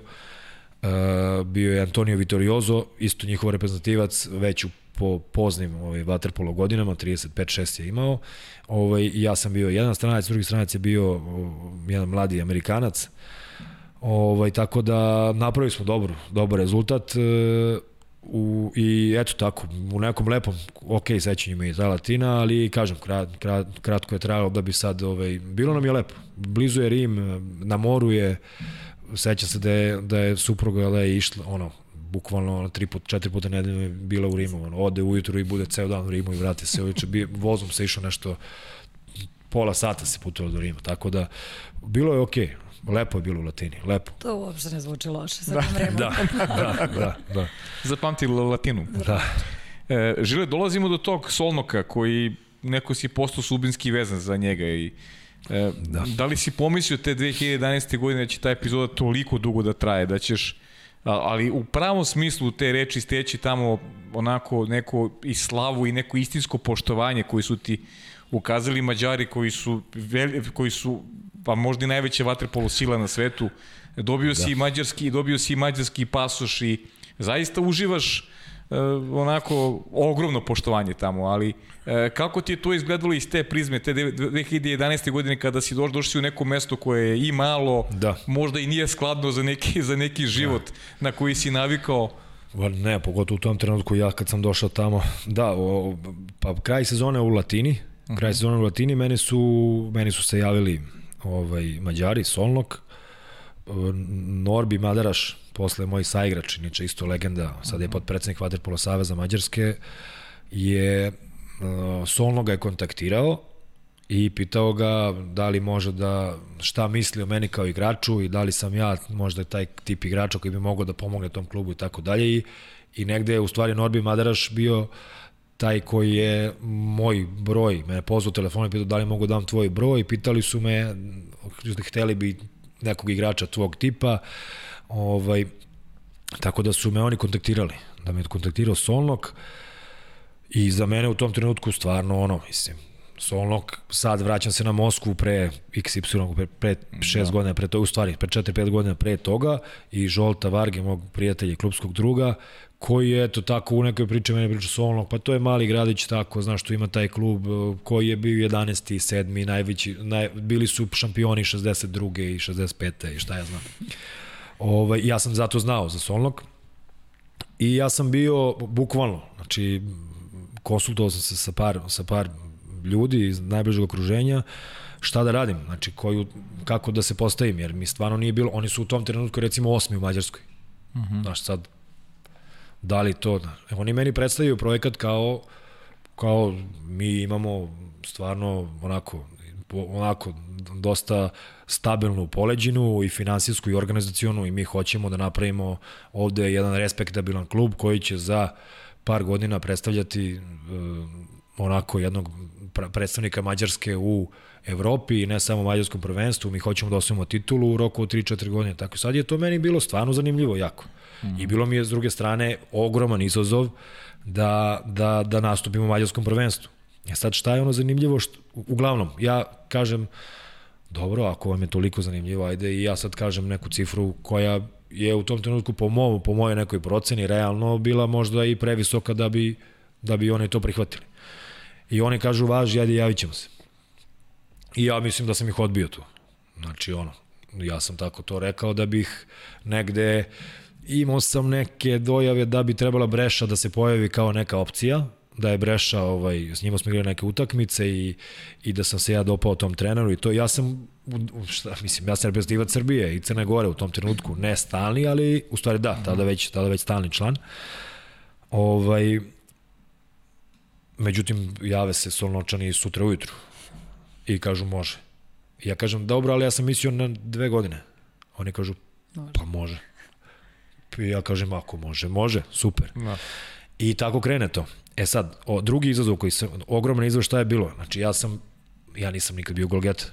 Ja nisam bio igrač koji da pet gola u utakmici, koji, ne znam, ja koje, oko koga se sve vrti i tako dalje. Ja sam nešto bio malo drugačije ovaj, profilisan igrač i imao sam drugačiju ulogu u timovima. Ovaj, I to je meni bio izazov. Znači, ajde ako sad Mađari koji su čuveni napadači i veliki igrači, dribleri, šuteri, -huh. šta ja znam, ovaj, kako ću ja tu sad da se uklopim, zašto su oni baš mene, zašto njima to tako. I ovaj, ja dolazim tamo i zatičem stvarno jedan klubić u tom trenutku koji onako jeste da to deluje perspektivno i da, i da u njihovoj priči to sve lepo zvuči, ali sad je tu i dalje to onako, kako da kažem, nije to baš tako kako sam ja sve zamišljao. Ono što je bilo dobro da su oni u te, te sezone doveli Gabora Kiša. Gabor Kiš je moja generacija, 82. godište, njihov jedan stvarno jako dobar centar, olimpijski šampion 2008. iz Pekinga, I ovaj, inače smo mi bili jako, sa tih nekih juniorskih takmičenja, to im, uh mhm. -huh. imali smo dobru, nek, dobru neki, dobar odnos. I ja sam s njim došao tu prve godine, bilo je tu još par igrača, uglavnom bio sam ja stranac i dva reprezentativca Rumunije. I to se meni nije uklapalo negde kako sad oni misle da ne možemo mi sa u dužno poštovanje, igrači vrhunski, jedan i drugi, ovaj, i Tibi Negran i, i, i Đorđesku su bili stvarno dobri igrači, ali, ali nije to da bi se napala Liga šampiona, da bi se igrala neka ozbiljna uloga. I polako to kreće. I prve godine, ovaj, ono, razočarenje veliko, šesto mesto, e, mlad trener, šta ja znam, ovaj, nije to bilo dobro. Ištvan Kovač, legendarni e, trener njihov, mađarski, koji je recimo osvojio 11 ili 12 titula u Mađarskoj sa Homvedom, sa Ujpeštom i tako da je dve, dva kupa šampiona. Ovaj, on je sportski direktor i on je negde idejni tvorac cele te priče. Mm -hmm. On preuzima, znači posle prve godine, on preuzima ponovo, se vraća sa sportskog direktora na trenera ovaj, i negde tu na već na pola sezone kreće da se priča o tome da ekipa treba da se pojača, da tu treba da se dovedu ozbiljniji malo igrači i dovodi se Mić Aleksić. Naravno, ja sve vreme pregovaram, pošto jedini koji mogu da komuniciram sa Mićom, oni su slabi sa engleskim jako. Mm. Ovaj, I već sledeće godine dolazi za Mića, ovaj, već sve druge godine se ulazi u finale prvenstva, Vel, mislim što je tada je bio i Vašaš jak i bio je jak i Jeger i Segedin i tako, bilo je stvarno jakih ekipa. Mi smo bili četvrti pred play-off i izbacili smo Segedina koji je bio bez, bez poraza cele sezone i mi ih u dve utakmice u play-offu izbacimo 2-0, uđemo u finale, ovaj, u finalu, nažalost, izgubimo od Egera, ali to je već sa šestog mesta, već skok u finale je već neki no. znak i za upravu i za ovaj, predsednika uh, Žolta Njergeša, veliki signal da tu stvarno može nešto se uradi. I onda tako to počinje. Onda igramo i već i druge godine, treće godine opet igramo finale, opet sada već za malo ne osvajamo titulu. Ovaj, u Evropi igramo isto neku zapaženu ulogu u kupu LEN, ovaj, četvrta godina osvojimo titulu. I tu počinje onda posle polako dolaze mađarski reprezentativci i sad ajde postaviti bolje pitanje nego da ja... Andrija i tako dalje. Da, da, da. da. E, ali pa. mene zanima kako je, kad ste već, kad si pomenuo titulu prvaka Evrope u Budimpešti, kako je bilo voziti se na vatrogasnom kamionu? da, pa to je negde, Ne, to je u Solnoku. Solnoku. Da, da, to je Solnok i to je negde, pošto je Solnok definitivno, moram da kažem, sportski grad. Znači u Solnoku, iako ima 80.000 stanovnika, ovaj, to je za naše pojmove, jel, onako, jedan gradić, onako, solidan da ima i ovaj, dosta društvenog i socijalnog nekog programa i tako. Tamo je to malo onako Mađari su malo ovaj drugačiji drugačiji mentalitet od nas malo su umereniji onako i nisu baš toliko otvoreni kao mi. Tamo je sport jednostavno sve i futbal, košarka i vaterpolo su tri sporta koje su jako zastupljeni s tim što je futbal druga liga, ali opet i druga liga futbalska je onako mm. jedan veliki događaj za, za takav grad. A, a košarka i vaterpolo su u tom trenutku i jedna na drugu ekipa su šampionske ekipe u Mađarskoj. Što je sad stvarno veliki uspeh, onako i Solnok je poznat po tome, zbog toga je poznat Solnok. I negde to postala neka tradicija, košakaši su osvojili titulu recimo godinu dana pre nego što smo mi i onda su njih vozili na kam, na kamionu vatrogasnom od dvorane, od arene do centra grada, do gradske kuće, onda su se popali na gradsku kuću na balkon i onda je tu bio, do, mislim, doček. Tu su izašli navijači, tu je se bila proslava i tako dalje. I negde se to nasledilo, to je postala kao neka tradicija. Prva titula osvojena u Waterpolu, stvarno ogroman uspeh za klub. Ove, negde i, i kruna na celo to, na, eto, ispostavio se kao tačno da su oni stvarno imali ambiciju, da su oni stvarno imali projekat da, da to uspe. To je uspelo, to nam je pošlo za rukom. Oni su pre toga 64. ja mislim bili šampioni. Dva puta su bili šampioni u istoriji i mi smo postali treći put šampioni 2000, koja je to godina? 14. Da. Ovaj, I mi se onda penjemo na taj vatrogas kamion i to je neverovatno događaj. Mislim, na vat, prvo što je to nije toliko baš ni bezbedno. Znači ti na vatrogasnom kamionu on jako sporo ide i to je iza, iza nas ideja kolona, kola, navijača, svi vise po prozorima, onako, jedan onako divan događaj, ovaj, ali sad baš ti nije ono, sediš gore, nemaš zašto se držiš ovaj, na krovu, sediš kaviona, ovaj, onako, zanimljivo je bilo. Ovaj, tako da, eto, i to sam doživeo i, i bilo je jako lepo. Bilo je jako lepo. Mali je grad i negde se onako onda ljudi doživljavaju te kao da si njihov i kao da je to i njihov uspeh neki i, i onda vidiš i na njima ovaj, oduševljenje njihovim licima i tako dalje i ovaj, stvarno, stvarno divni neki momenti, stvarno divan, divan jedan period ovaj, taj igrački tamo u Solnoku i, i imali smo stvarno ogromne rezultate, stvarno smo napravili, stvarno je taj klub postao onako, jedan veliki klub na evropskoj sceni ovaj, za vreme mog boravka tamo. E sad kad pričamo o Solnoku, moram da još da pitam, a, to i sve zanima ka, a, grad. Pitala sam Čuka, poznat je po vinima, poznat je po termalnim kupatilima. Pa, da. da. poznat je po vaterpolu, po košarci i futbolu. ovaj, pa kak, mislim, evo da vam kažem iskreno, nije, da, to je, i jako ima 80.000 ljudi, ja, meni je to kao onako, i dalje varoš, jedna, jer, jer ja sada posle 10 godina, evo sad je 10 godina tamo, ja bukvalno, znači, sve ljude znam, malte ne, malte ne, znači sve od između 20 i, da kažem, ajde 60 godina, ovaj, bukvalno ja ne znam da li ima neki čovjek koga ja nisam video ili sreo i tako dalje, upoznao, da, imao neki kontakt sa njim, ovaj, ali u suštini grad je koji je na Tisi i grad je koji ima sve koji ima sve što je potrebno, sve što ti je potrebno za jedan, za jedan normalan i miran život.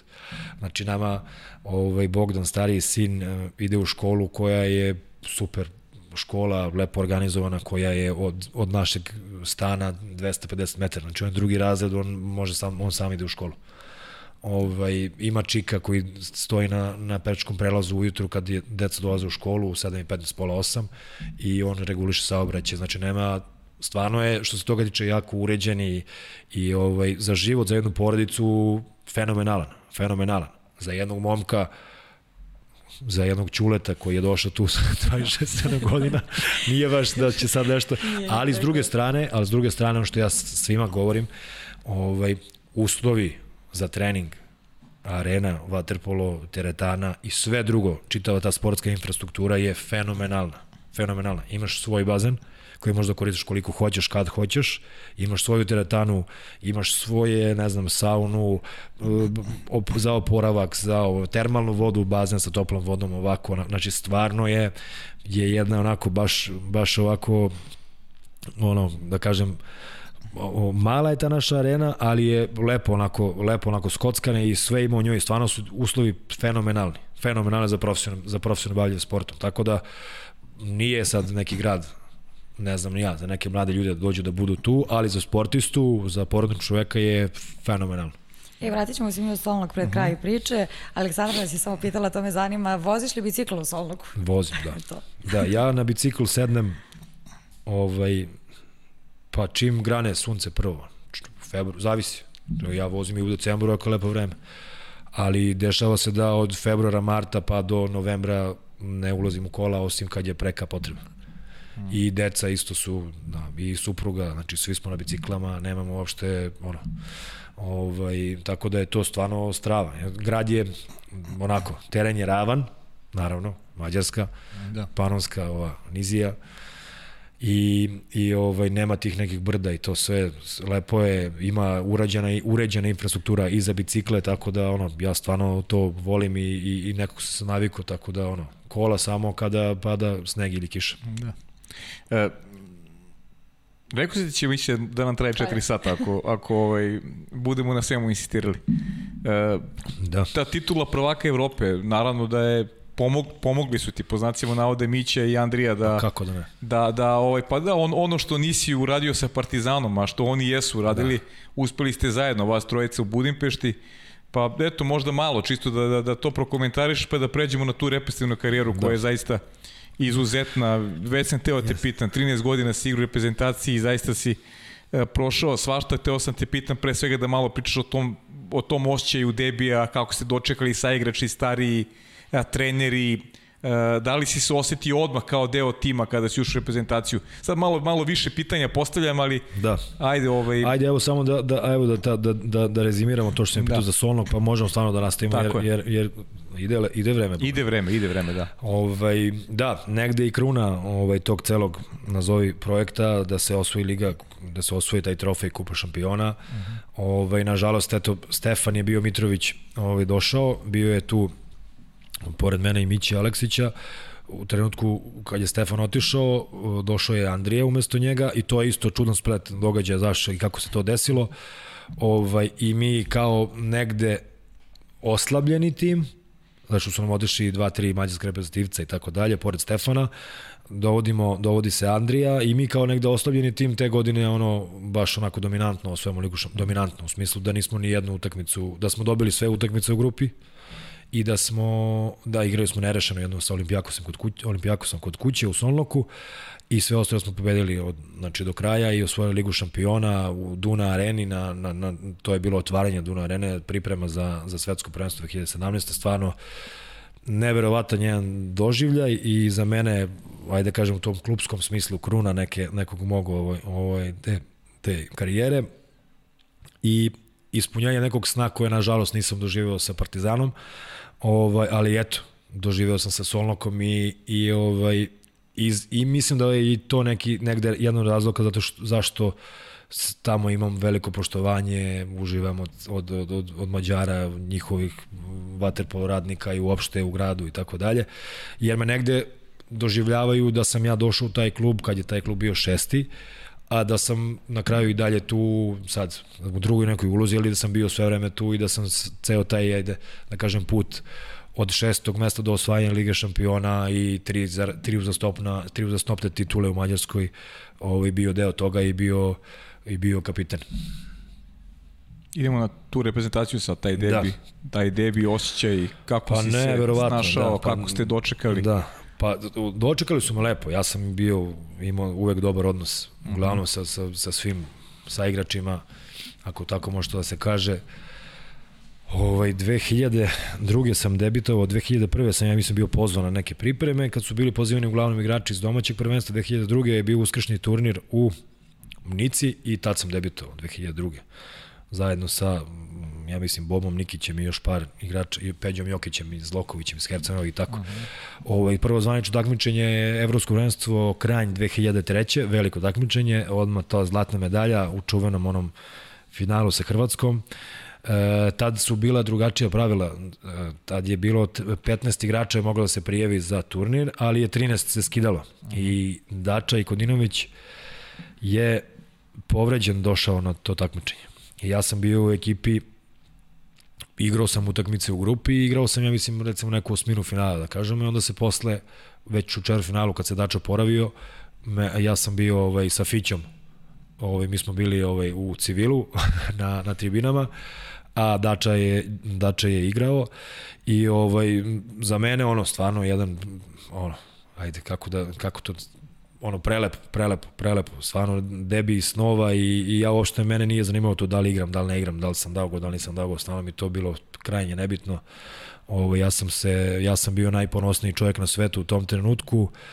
Ovaj sećam se i te utakmice finalne i svega tamo u Kranju i i sećam se tog haosa posle i, i Gungule u stvari posle to dodale dodale medalja u u hotelu. Ovaj, a što se tiče onako tog odnosa sa starim igračima, imao sam ko, ok odnos sa svima. Ok odnos sa svima, lepo su me prihvatili i, i ono, nisam imao nekih tuh pretrenih problema. Ja sam imao sam sa sobom, ja, ja sam uh, imao taj dug ulaz u reprezentaciju. Ja sam stalno bio Znači, ja sam sa 20 godina pozvan prvi put i tek sam 2009. znači sa 27 godina sam negde znao pred početak pripremam da ću verovatno -huh. Znači da ću sigurno biti deo ekipe jer, jer se tako samo nametnulo, jel? A sve to vreme sam ja bio u sistemu reprezentacije, negde sam išao takmičaj, negde nisam, negde sam upao u 13, negde nisam. Ovaj tako da tako da je to bilo, to je bio za mene jako težak period to kad odrediš cele pripreme do kraja i dođe se na put, ide se sutra na put i onda ti trener kaže e, nažalost otpadaš ti i ti. Ja sam često puta bio taj koji koji nije išao. Ovaj ali mislim da me sve to na kraju negde ojačalo i sprem, pripremilo dobro za ono što se dešava kasnije. E, dešava se mnogo toga, nećemo te sada terati da prođeš kroz sva takmičenja, neka ćemo svakako izdvojiti, ali bismo voljeli da i sam izabereš neka koja su tebi specifična iz nekog razloga, možda široj bazi navijača i nisu, jer toliko nisu eksponirana u moru vaših uspeha, jer da. zemlju je da 26 medalje imaš. Da. Impresivno. Da.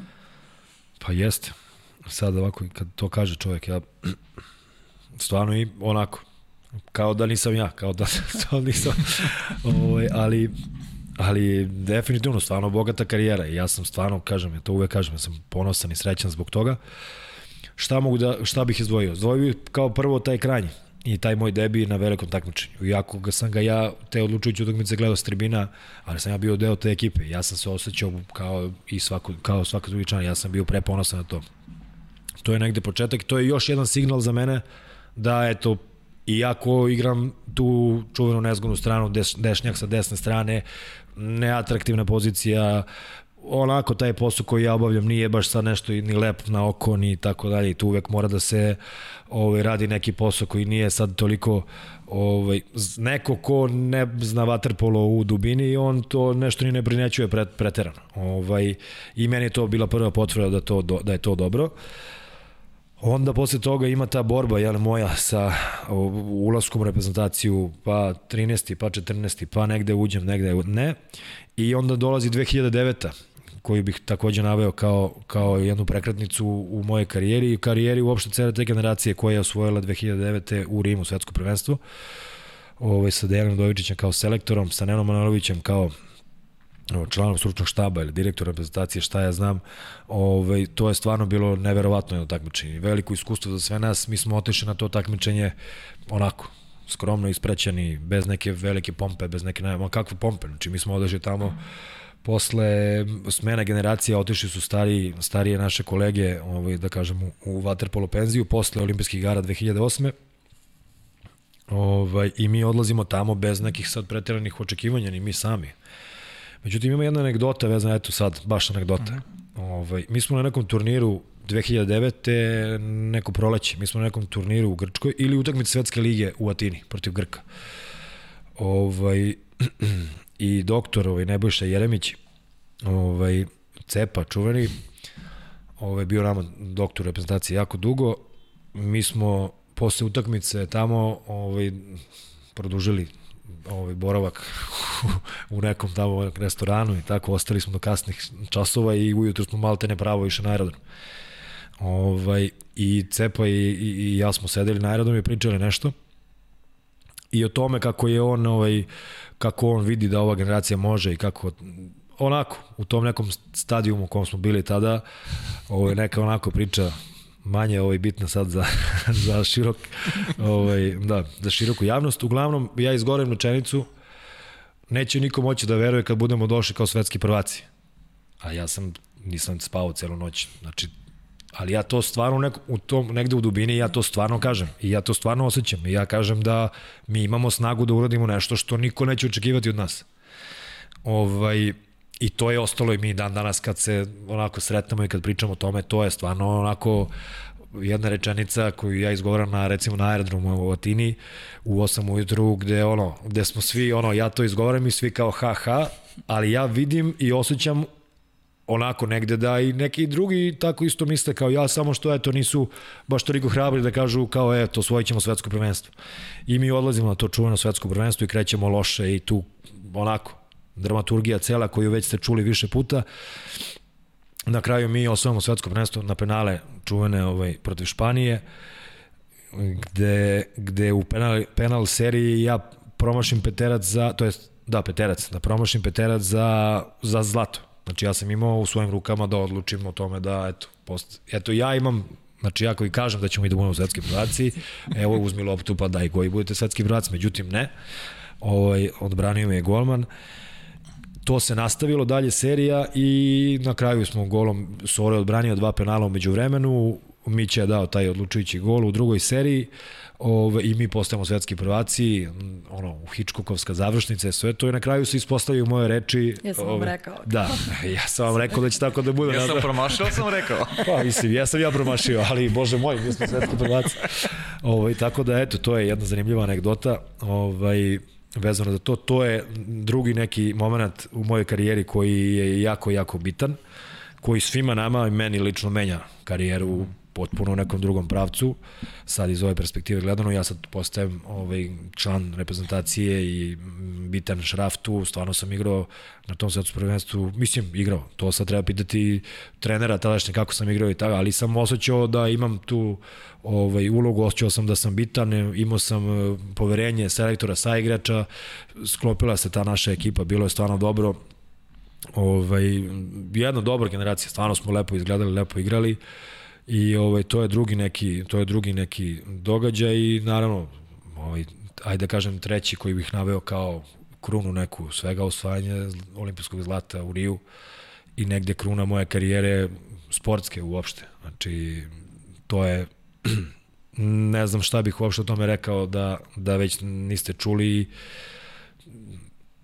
ono, možda za mene, pored, pored moje porodice, moje supruge i dvoje dece, naj, stvar na koju sam najviše ponosan jeste što sam uspeo da sa svojom, ovaj, sa svojim, sa svojim, da kažem i dragim prijateljima, da osvojim olimpijsko zlato i da, i da budem da budem kapitan te reprezentacije.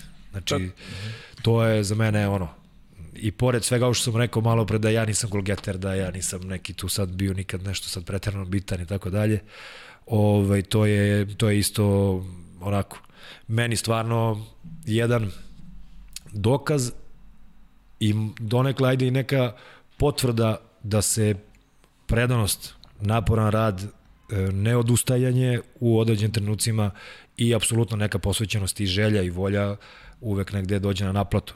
Uvek. Naravno, ne uvek, postoji naravno izuzeci, ali, ali meni, je, meni se isplatilo, tako da na to sam jako ponosan. Ja, i Marina ja kao vaši navijači isto apostrofiram uvek tu 2009. i i olimpijske igre, tako da Aha. to je negde trebalo da bude i naše sledeće pitanje, pa ajde možeš ti da nastaviš vezano za, za, za taj Rio. I... Pa ja bih ga pripitala da li znaš nekog kapitena koji je na devet takmičenja imao tu ulogu i osvojio svih devet medalja. Pa, zlati. da, ne znam, mislim, i to isto, to se tako pogodilo. Znači, pogodilo se da da ovaj da mi doživimo da kažem ajde zrelost i doživimo maksimalnu u datom trenutku ogromnu motivaciju i da doživimo trenutak gde mi spoznajemo da mi stvarno možemo da uradimo mnogo toga i da poučeni da, da sva iskustva koja nosimo od ranije i da svo svoje znanje i i tu volju i motivaciju i želju sve maksimalno i apsolutno podredimo toj ekipi. I ovaj iako ja kažem, mislim ta ekipa je bila satkana stvarno od jako dobrih igrača i i ovaj ali se to nikde nikada nije se nikada se nije desilo da se da se neko tu ističe u prvi plan, da neko bude bitniji od nekog drugog. Znači svi smo bili stvarno ovaj apsolutno i maksimum podređeni kolektivu i timu i to se na kraju isplatilo i Deki je to ovaj osetio i Deki je fantastično vodio tu ekipu i, i Deki je imao ovaj, njuha i sluha da to sve posloži kako je trebalo da se posloži i ovo drugo ostalo što reče Paja na početku je istorija. Mislim, nema tu šta da se dodaje. Mi smo devet takmičenja, devet zlatnih medalja, ovaj, a sad direktan odgovor na tvoje pitanje, ne znam da li postoji još tako neko da je, može se pohvali takvim, ovaj, da kažem, ajde, rekordom, ali eto, ja sam u, u toliko i još ponosniji na sve to. Pitala bi te da li ti nedostaje taj osjećaj, ali da mi čujemo imamo još jedno pitanje spremno za tebe, pa prvo čujemo odgovor. Ćao Žile, pozdrav svima u studiju. Evo jedno pitanje ovako koje verujem kojim si često imao prilike da pričaš sa kolegama i uopšte ljudima iz Vaterpola da nam uporediš, pošto si dugo igrao i dugo trajao, da nam uporediš e, vremena kada si počinjao da igraš 90-ih u seniorskoj konkurenciji i ovaj kraj tvoje karijere, dakle sve do 2016. 17.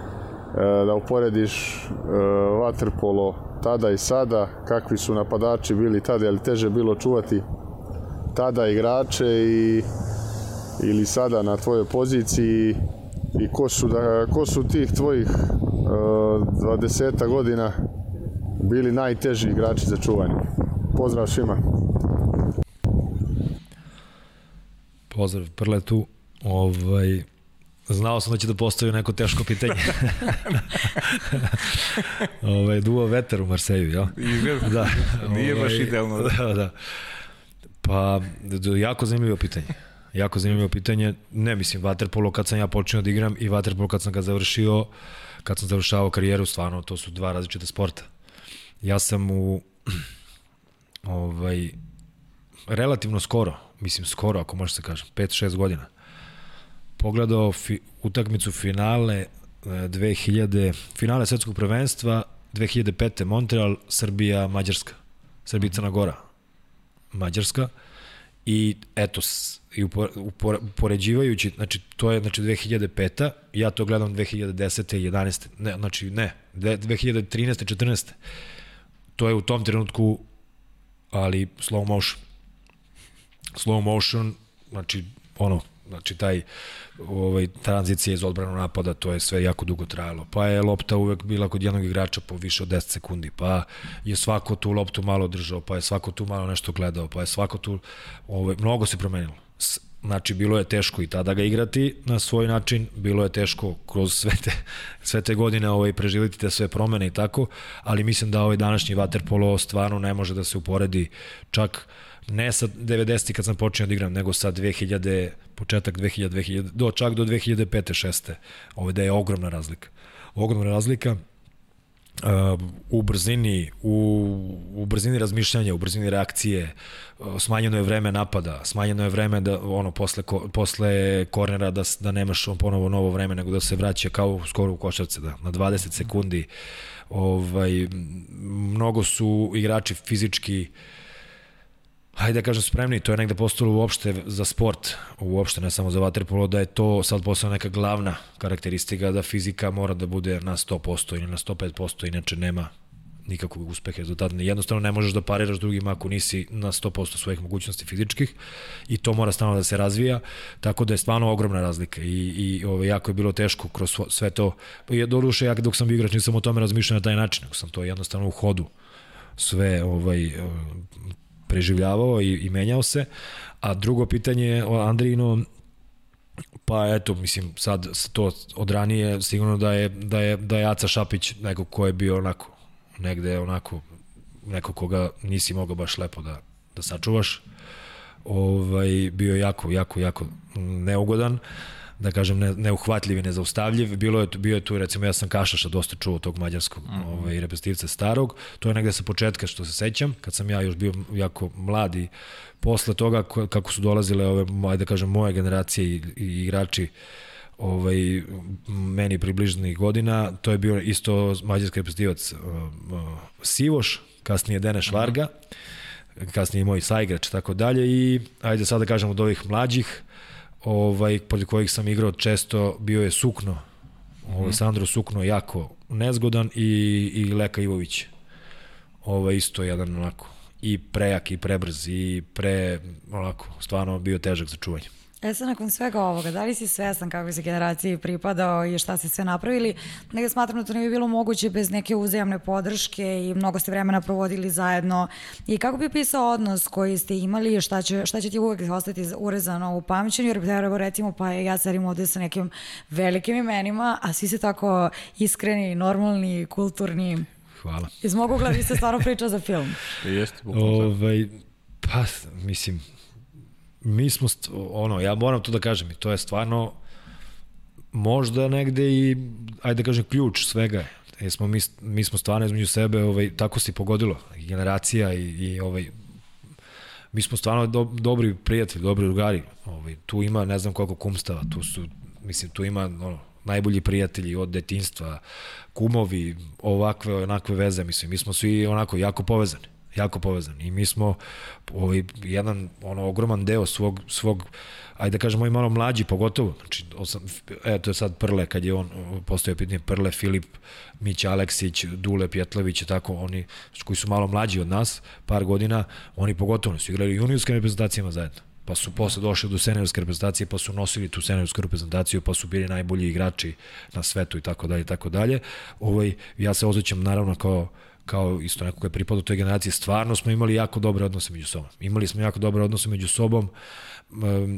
Kažem, mi smo prijatelji, mi smo se poštovali i svađali smo se. I svađali smo se i bili smo ljuti jedni na druge i E, svi se svađamo. i da i i smejali smo se i plakali smo i svašta smo radili zajedno. Ovaj ali smo ostali kompaktni i to je ono što nas je ja mislim dovelo do do svih tih rezultata. Da. Morate pitan za Bobana. Neko su vam sudbine onako Da. da. isprepletene. Ku, kumovi ste zajedno debitovali, mada je, mada je Boban ne najtrofejniji vaterpolista, Boban je najtrofejniji Ma da. srpski sportista. Negde, ti, negde si ga ispustio. Pa to je- nisi se, to je ta 2004. Pa da, tu sam ja, da, da, ja Da, nisam nisi bio bio stalan Tini, član. nisi da, bio da. u Montrealu, tako da. Je, tako je, tako je. Ja nisam bio Tina Montreal, ja nisam, nisam na svim takmičenjima bio. Jeste. U Barceloni 2003. sam opet bio na tribinama, nisam igrao. Uh Mhm. -huh. ovaj, e, Bobi, da, pa kumovi iz istog kraja, mi smo ono počeli maltene u isto vreme treniramo, išli smo u istu osnovnu školu, ovaj, odrasli smo jedan od drugog, ne znam koliko, sto, par stotina metara, ovaj, odrasli smo zajedno.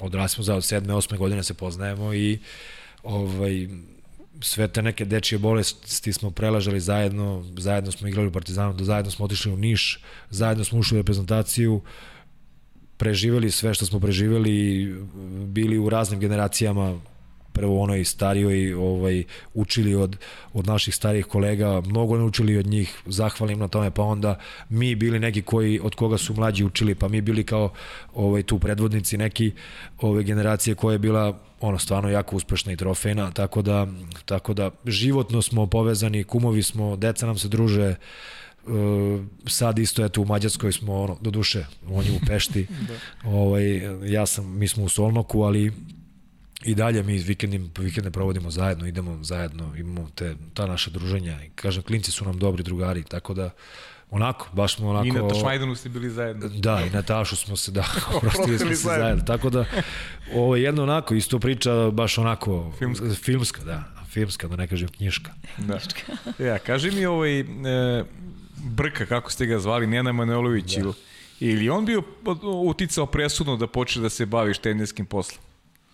Pa Kad jeste. sabereš sada sve ono Pa što jeste. u karijeri. I, i, i jeste i Brka, jeste i, i Deki i Vlada. Ujes. Ovaj, ima zanimljiva priča za to. 2011. u Šangaju na svetskom prvenstvu mi smo bili drugi, izgubili smo od Italijana u finalu, ali to je manje bitno za priču. Bitno je da je Deki, Dex Udovičić, ovaj, Dejan je, je u nekoj onako polu neformalnoj komunikaciji sa mnom, kaže Žilović, ti budeš trener. I ja kažem, ma gde ću da budem trener, kao šta treba da budem kao ti da gledam video po ceo dan, da, da ovde, da smišljam taktike, da ovo, da ono, znaš, to ja u tom trenutku stvarno tako mislim. Ovaj, tako što sam se ja tome, ono, često setim toga, Ovaj, a ja sam da duše da, ja sam odlučio negde, mislim odlučio, počeo time to da, znaš, onako negde u mojoj glavi se to pojavilo već tamo negde, 2012.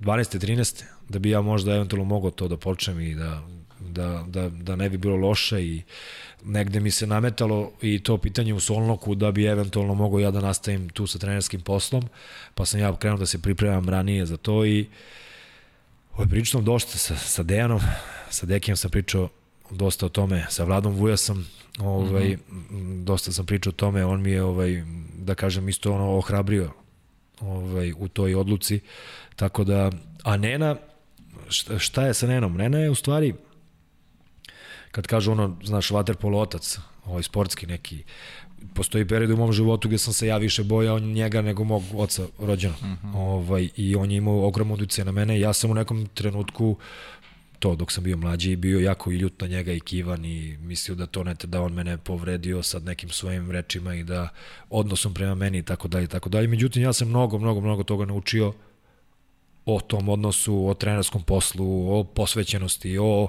o predanosti, o, ove, i ja i dan danas imam neke njegove čak ove spise i papire i koje često tako otvorim, pregledam i čitam i ovaj i on je imao taj siguran uticaj, ne kažem definitivno da je on kao da, da je on bio presudan faktor da ja postanem trener, ali vratim se opet na početak i na ono što se Svetlana i ja šalimo stalno, to bi Njena rekao. Znači, meni to negde se samo nameće da ja kažem, eto, kao, kako bi to Brka rekao, kako bi to Brka, ovaj, kako bi to on okarakterisao neku igračku osobinu, šta ja znam. Tako da, sigurno je da on isto ima dosta toga, ovaj, dosta, dosta i njemu treba da, da budemo, i on je veliki krivac za to. Da kažem. da. I sam tim veliki krivac za Solno, klub u kome si završio karijeru, pružio ti je da. šansu, sada si trener, kako se to dogodilo? Pa, I to je isto zanimljivo. Ja sam negde, eto, to je postojalo, to je negde tinjalo. Je sedam godina je Čeh Šanji, Čeh Šandor koji je i na kraju osvojio te sve silne trofeje i, i, i osvojio ligu šampiona s klubom, on je bio 7 godina trener i negde je došlo do zasićenja i negde je klub došao do, i ekipa je došla do nekog zenita i to je krenulo sve da ide na dole. Međutim, ja sam imao ugovor i još godinu dana kao igrač. I meni klub je odlučio da mora da promeni nešto, da mora da se napravi rez, da se krene ponovo u neki sličan proces. Ovaj, I oni su meni e, ponudili mesto trenera, a ja sam faktički imao još godinu dana igračkog ugovora. Znači ja sam mogao da kažem ja neću. Zašto bih to radio? Hoću da odigram lepo na miru. Ja sam već bio u zdrenim igračkim godinama, bio sam fizički jako dobar. Ovaj, sad to je isto pitanje za trenera tada, da li sam ja ispunjavao njegove, sve mislim da da. Ovaj, ne bi se na kraju ni zadržao toliko tamo, ali, ali nisam, nije da sam ja kao prestao da igram pa da nisam znao šta ću da radim pa da sam postao trener. Ja sam odbio da igram još godinu dana da bi postao trener, prihvatio se jako rizičnog ovaj, koraka, a, ali na kraju sam jako zadovoljan zbog toga. Na kraju sam jako zadovoljan zbog toga.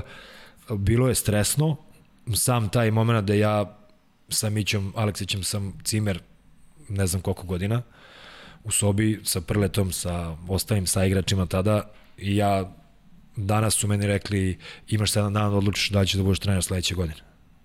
To je neki, ne znam koji, to je maj mesec 2017.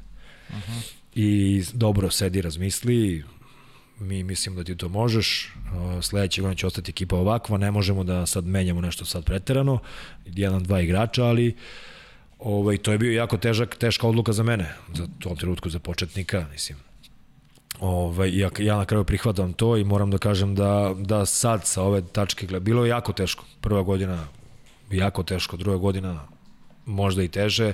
Evo sad ova treća godina je teška na svoj način zbog korone i tako dalje. Ali je, ali je mnogo lakše podnosim ne, taj neke, neke, neke te stvari koje naravno pored dve godine su bile jako ovaj, mislim možete da zamislite to kako ja sad Mići Aleksiću i Andriji s kojima sam igrao i radio šta sve nisam radio ovaj, da ja sa njima budem šef i da ja moram da se naljutim na njih. I stvarno se naljutim na njih. I sad, u ovom slučaju Fići i Duletu Pjetlović. I Fići i Duletu da. Pjetlović, ali sad već mi je to mnogo lakše. Uh mhm. -huh. Iako sam ja i dalje mlad trener, iako sam i dalje mlad u tom postu i verovatno jako neiskusan i šta ja znam šta sve, svestan sam toga i učim svakim danom i učim od njih i trudim se da, da, ovaj, da to radim najbolje što mogu i da sam, stvarno sam jako posvećen tome i, i ispunjava me to i stvarno sam jako srećan što sam dobio priliku da radim to, što sam dobio priliku da radim posao koji sam ja izabrao da radim. Znači nije da nisam znao šta ću pa kao ajde da budem trener, nego sam ja se opredelio za to. Pre, prihvatio sam vruć krompir, i i jako sam srećan što sam ga prihvatio i što sam prešao preko tih nekih raznih problema i, i vetrova i trener inostran, u Mađarskoj trener Srbin. Da. Kapitan reprezentacije koji je osvojio olimpijsku zlato. Ali počastim građanima Mađarske. Mislim, dobro, da, ali to je sve, stvarno ima svoju težinu. Ima svoju težinu i to ljudi koji se bave mojim poslom znaju kako to izgleda i da to uopšte nije nisu sad to svi baš dočekali, pogotovo mađarski trener i drugi moje kolege, kao sad je došao tu neki tamo i sad će on kao nama da ode prosipa pameti da, i da on nas uči kako treba se igra vaterpolo, a oni su, jel, najveća devet olimpijskih zlata su osvojili, to je najveća vele sila vaterpola svetska, šta ja znam. I zato sam pre ponosan na tu činjenicu i ja, ono, stvarno sam srećan zbog toga i kažem, uhvatio sam se u koštac sa tim, trudim se da to radim najbolje što mogu. Jako mi pomažu naši igrači, ovaj, svi koji su bili u klubu i, i ostali naravno mađarski i kažem ove godine to sve izgleda mnogo, mnogo već onako ovaj, lakše, ja to sve ovaj, podnosim i vodim i tako i, i zadovoljan sam. Možeš ti da, pošto smo odgovorio na ovo pitanje vezano za naše igrače. Ja da mi pustimo e, ajde, pitanje. Ajde, ajde Marina, može, da. Pozdrav Čiča, imam jedno pitanje za tebe. E, šta bi najviše Živku Gociću igraču smetalo kod Živka Gocića trenera? Pozdrav, čao. Au, A, dobro pitanje. ovo je sad danas, već pitanje, da. Pa ja, mislim, da. Baš dobro pitanje. Jeste. Ja sad kako zamislim sebe, ja sam sebi da budem trener. Šta bi meni kao igraču smetalo da, Kao tebi trener. Pa možda to neki detalji, ulaženje u, u, u sitna creva. ovaj, meni kao tad igraču, iskusnom nekom, da sad ja sam samom sebi trener da mu kažem, e, nemoj da držiš tu nogu baš tako, probaj malo da ovamo desno staviš, mislim da će ti biti bolji šut, mislim da mi to ne bi baš prijalo, ali to radim.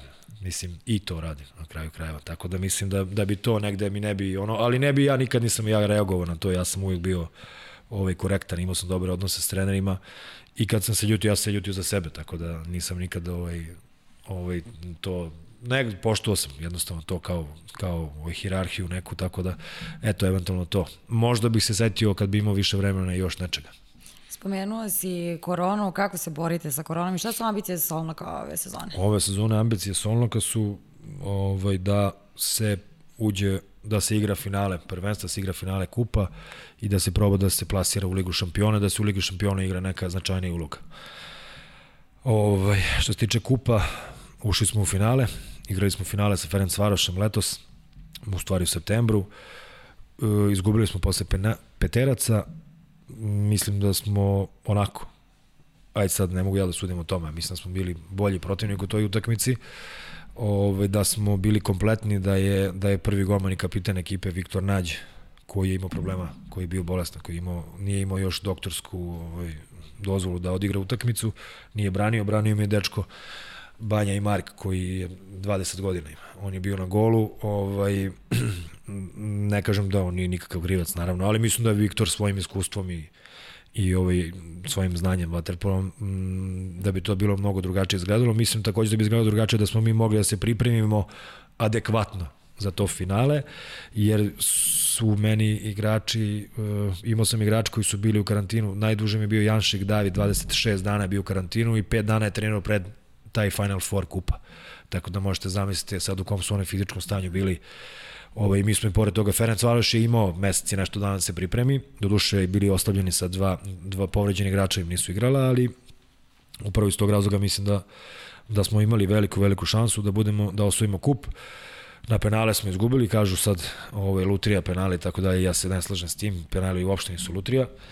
Penali su rutina, znanje, iskustvo, tako dalje. Ovaj penali se uče i penali se vežbaju i penali se i ka, i što se tiče golmana i što se tiče igrača, tako da je Ferenc Varoš tome bio bolji.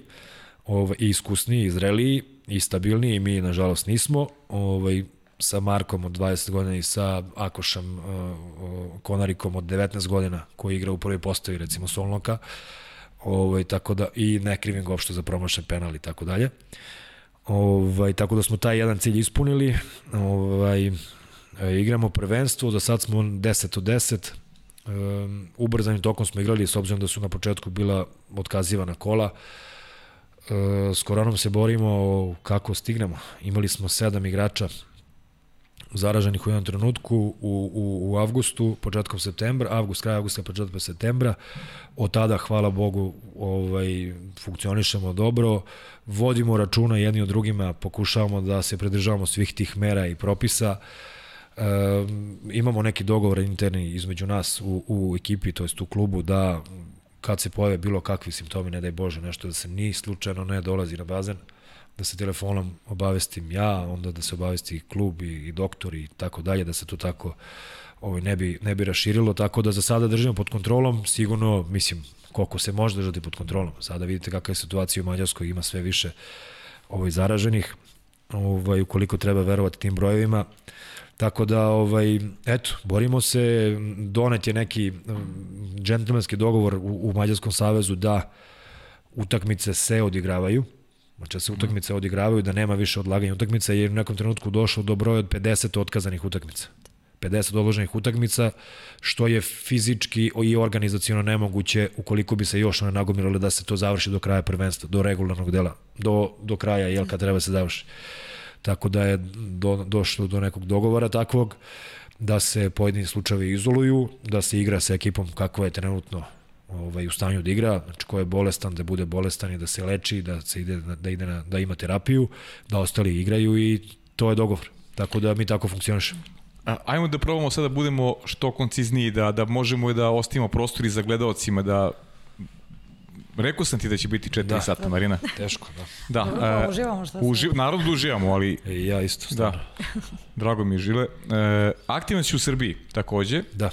E, počeli da radiš sa mlađim kategorijama, u stvari radiš već podavno i kaži mi da li si zabrinut za budućnost posle Tokija kad se penzionišu još neke tvoje kolege iz generacije s obzirom da tim nekim juniorskim šampionatima uh, Srbija nije tako uspešna kao što je nekada bila. Da. da li je to da li je to briga za ono što nas čeka ili ili ili prosto jesu neke druge kako kako jeste ti briga pa kako da ne jeste briga mislim znate šta sad onako e, posle Tokija doći do smene generacije jel i mhm. ovo i to je normalno u sportu da se to dešava ne samo kod nas, nego i drugim ekipama i drugim sportovima. To je neki prirodan tok i mi ćemo sigurno ovaj, imati ekipu koja će biti i dalje u vrhu, koliko će ta ekipa moći da postigne i šta ćemo, to ćemo da vidimo. Znači, to uopšte ne mora da znači da ćemo mi posle, posle te smene generacije da doživimo ne znam kakav pad i tako dalje. To ćemo prepustiti vremenu da pokaže. Uh mhm. -huh. Ja mislim da mi imamo kvalitet u, mlad, u igračima koji će da ostanu, koji su i dalje članovi ove ekipe, koji će ostati, po mojoj proceni, koji će ostati dalje u reprezentaciji, e, pojačani sa par nekih e, juniorskih sada, trenutno juniorskih reprezentativaca, da ćemo mi imati kvalitet da budemo i dalje u vrhu. Da li ćemo biti u vrhu prvo ili drugo ili treće mesto i će biti četvrto ili ne znam ja koje, to je sad pitanje i to stvarno e, i druge reprezentacije će doživjeti isto to što ćemo i mi. Tako da otprilike ovaj, bit će u prednosti oni koji su ranije počeli s tim, koji, na, koji su ranije počeli tu smenu generacija. Uh, ja sam zabrinut za taj kasniji period, znači za jedno 7-8 godina, I upravo to jeste razlog zašto sam ja tu i zašto ja pokušavam da, ovaj, da zašto sam ostao i zašto radim sa mlađim kategorijama, sa generacijom 2004. godište, da, eto, pokušam svojim znanjem i iskustvom i, i, i eto, nekim radom doprinesem da, da te ekipe, da, da u stvari ti dečaci e, sutra budu ovaj, okosnice reprezentacije i da, da taj pad ne bude veliki. Mislim da je veliki rad pred nama, mislim da moramo da se potrudimo svi zajedno, na čelu sa Vaterpolo Savezom, tako i svi ostali treneri, ali mislim da je suština, da su suština klubovi. Da su suština klubovi, da je suština rad sa mlađim kategorijama u klubovima i da, i da tu mora, na to mora da se obrati pažnja, e, da tu moramo da, da budemo da radimo više, da tu moramo da se bavimo da se bavimo decom e, od onih najmlađih pa jel, pa, pa, pa, pa preko ovih malo starijih do prvih timova, jer, e, jer je to u stvari ti klinci sada koji imaju 14, 15, 12 godina, oni u stvari su Filipovići, Prelajinovići, Mitrovići, Šapići, Savići i ostali, samo što ukoliko im se ne pruži e, da kažem neophodna nega, ukoliko im se ne, ukoliko im se ne pruži mogućnost da rade da provode sate u vodi, sate i sate i da, da rade mukotrpno i, da im, i ne pružim se adekvatno adekvatan trening i svrsiskovan trening, onda, onda će definitivno doći do, do pada koji će možda biti onako neočekivan za neke ljude koji nisu u dubini mhm. problema. Ovo, I zato sam ja, kažem, i, i se opredelio za da, da pomogam na neki način, da, se, da do toga ne dođe. Trudimo se, radimo sa kolegama, ovaj, sa ostalim trenerima i nadamo se da, da ćemo uspeti u tom našem e, planu i programu. E sad prije nego što prijeđemo pitanja gledalaca, mm. ja bih još samo pitala kada već spominješ klubove, da li stiš da pratiš domaći šampionat? Da, kako da ne. Kako da ne. Gledam ovaj, naravno, šta, šta prenosi sport klub, to gledam. ovaj, koje utakmice mogu da, da, da pogledam, naravno da pratim, sve rezultate i tako. Ovaj, drago mi je. Drago. Nije mi drago zbog korone, naravno, ali mi je drago da je korona na neki indirektan način uticala na to da bude jači srpski šampionat uh -huh. i to je dobro. I to je dobro. I ti klinci koje smo sad pominjali, koji sada počinju da debituju za neke prve timove, što Kragujevca, što Šapca, što na kraju kraja Partizana, Zvezda i tako dalje, će imati priliku da igraju protiv Miloša Ćuka. I to je da. sjajno. I to je sjajno. I imaće priliku da igraju, da treniraju sa njim, da igraju protiv njega. Iz, izvinjavam se svima drugima, naravno ima tu još kvalitetnih i dobrih igrača koji nastupaju u domaćem prvenstvu i meni i to je dobro. I to je dobro što smo uspeli da vratimo ovaj dosta igrača ovaj, dosta igrača. Uspeli smo da vratimo neku licinu iskusnih i dobrih igrača u prvenstvo. Uspeli smo na kraju krajeva da zadržimo igrače koji da nije bilo korona bi možda i otišli u neko inostranstvo, ipak su ostali ovde. Raspoređeni su po, po klubovima ovaj, i to je jako dobro. I bit će sigurno dobro prvenstvo. Već po prva dva, tri kola se vidi da, da će biti zanimljivo jako. E, Ja bih ovo pitanje naša ostavila za kraj, jer su jedno najlepša. Ova, aha, Da. hoćemo, dobro. A da mi pređemo na pitanja, da mi pređemo na pitanja gledalaca, a, s obzirom na to da smo morali da požurimo, jer si na putu, a, imali smo jedan dan za pitanja, a za jedan dan smo dobili milion pitanja, tako da ajde da probamo što... Bukvalno, za eto jedan i po možda Za dan. koliko jedan smo dan smo stavili. dobili mm, milion pitanja. To znači da moraš ponovo dođeš, to je definitivno. Da, Definitivno. ali da spremite harmoniku onda. Ne, ne, ja spremam to spremam sigurno harmoniku, to je, nisi imao vremena. Ajde da krenemo redom. Marina Đurić, kako se nosiš sa bezobrazlukom nekog igrača a, kada si postao trener ili ako te neko ne sluša? Teško. Teško. Teško se nosim s tim, da. Dobro. A ovaj, zavisi, nekad uspemo da se iskontrolišemo, nekad ne i onda to nije, nije lepo da zavideti i čuti. E, s obzirom da si stara Duša. duša, stara duša po znacima navoda, šta ti može izvati suze, Kak, kako se nosiš sa nepravdom u sportu i životu? Isto teško. ovaj, teško. Stara duša. Stara duša po znacima navoda. Da, ovaj, pa ja da, ja, ja sam emotivac. I ovaj, to je verovatno vezano za one moje suze i za Rio i to Jeste. sve i onda su to ljudi dosta tako onako prihvatili i oni emotivno. Ovaj, pa naviko sam se. Mislim, naviko sam se. Ja, naravno, svi smo mi ljudi od krvi i mesa i svi imamo emocije i no, neko ih pokazuje na ovaj ili onaj način, negde u nekom ponekada i ja, ja sam čovjek i mogu da eksplodiram ovako Naravno, ili onako, imamo, kao i svi mi, tako da, tako da ne, trudim se da kontrolišem to i vrlo često uspevam da je to iskontrolišem, pogotovo sad kad se bavim trenerskim poslom, to je neophodno. Za moj posao da se ima hladna glava i da emocije ne pustiš da uplivaju, da, ne bi, da bi mogao normalno da rasuđuješ, ali ovaj, negde se i desi da, da, da jednostavno ne može da se iskontrolišeš, pa dođe do nekakvog izliva na ovaj ili na onaj način. E sad naša Aleksandra Milošević, pominjali smo je već, ona postavlja toliko pitanja. Jedno od njih je da li tokom Evropskog prvenstva u Beogradu si čitao 100 godina samoće i da li, mu je to, da li ti je to pomoglo da pronađeš mir? Jesam čitao tu knjigu, ja stvarno ne znam kako, kako ona to zna. Ne, neverovatno je. Ja sam to negde, da, Ne, verovatno sam ja to negde rekao, da. Ono nam je, naj, ono nam je naj, Najveća onako, pomoć. Najveća pomoć, saradnik, jedan pravi, naš, obožava Pa evo, vaterpolo. pozdravljamo je, da. Obožava Svaka čast na ovoj informacija, mislim, ja sam zaboravio, ali stvarno sam čitao tu knjigu. Da. I preporuku je za E knjigu da, da, stvarno. pitala je onda šta preporučuješ, koju knjigu je Pa, preporučuješ? njoj, uh, sad je sad to teško, ovaj, ako nije pročitala 100 godina samoće, neka, neka, neka pročita to, eto, to je sad, što, mislim, ja isto tako čitam, ovaj, dosta, dosta čitam, ali ne mogu sad, eto. Sad Evo ne- moju, recimo.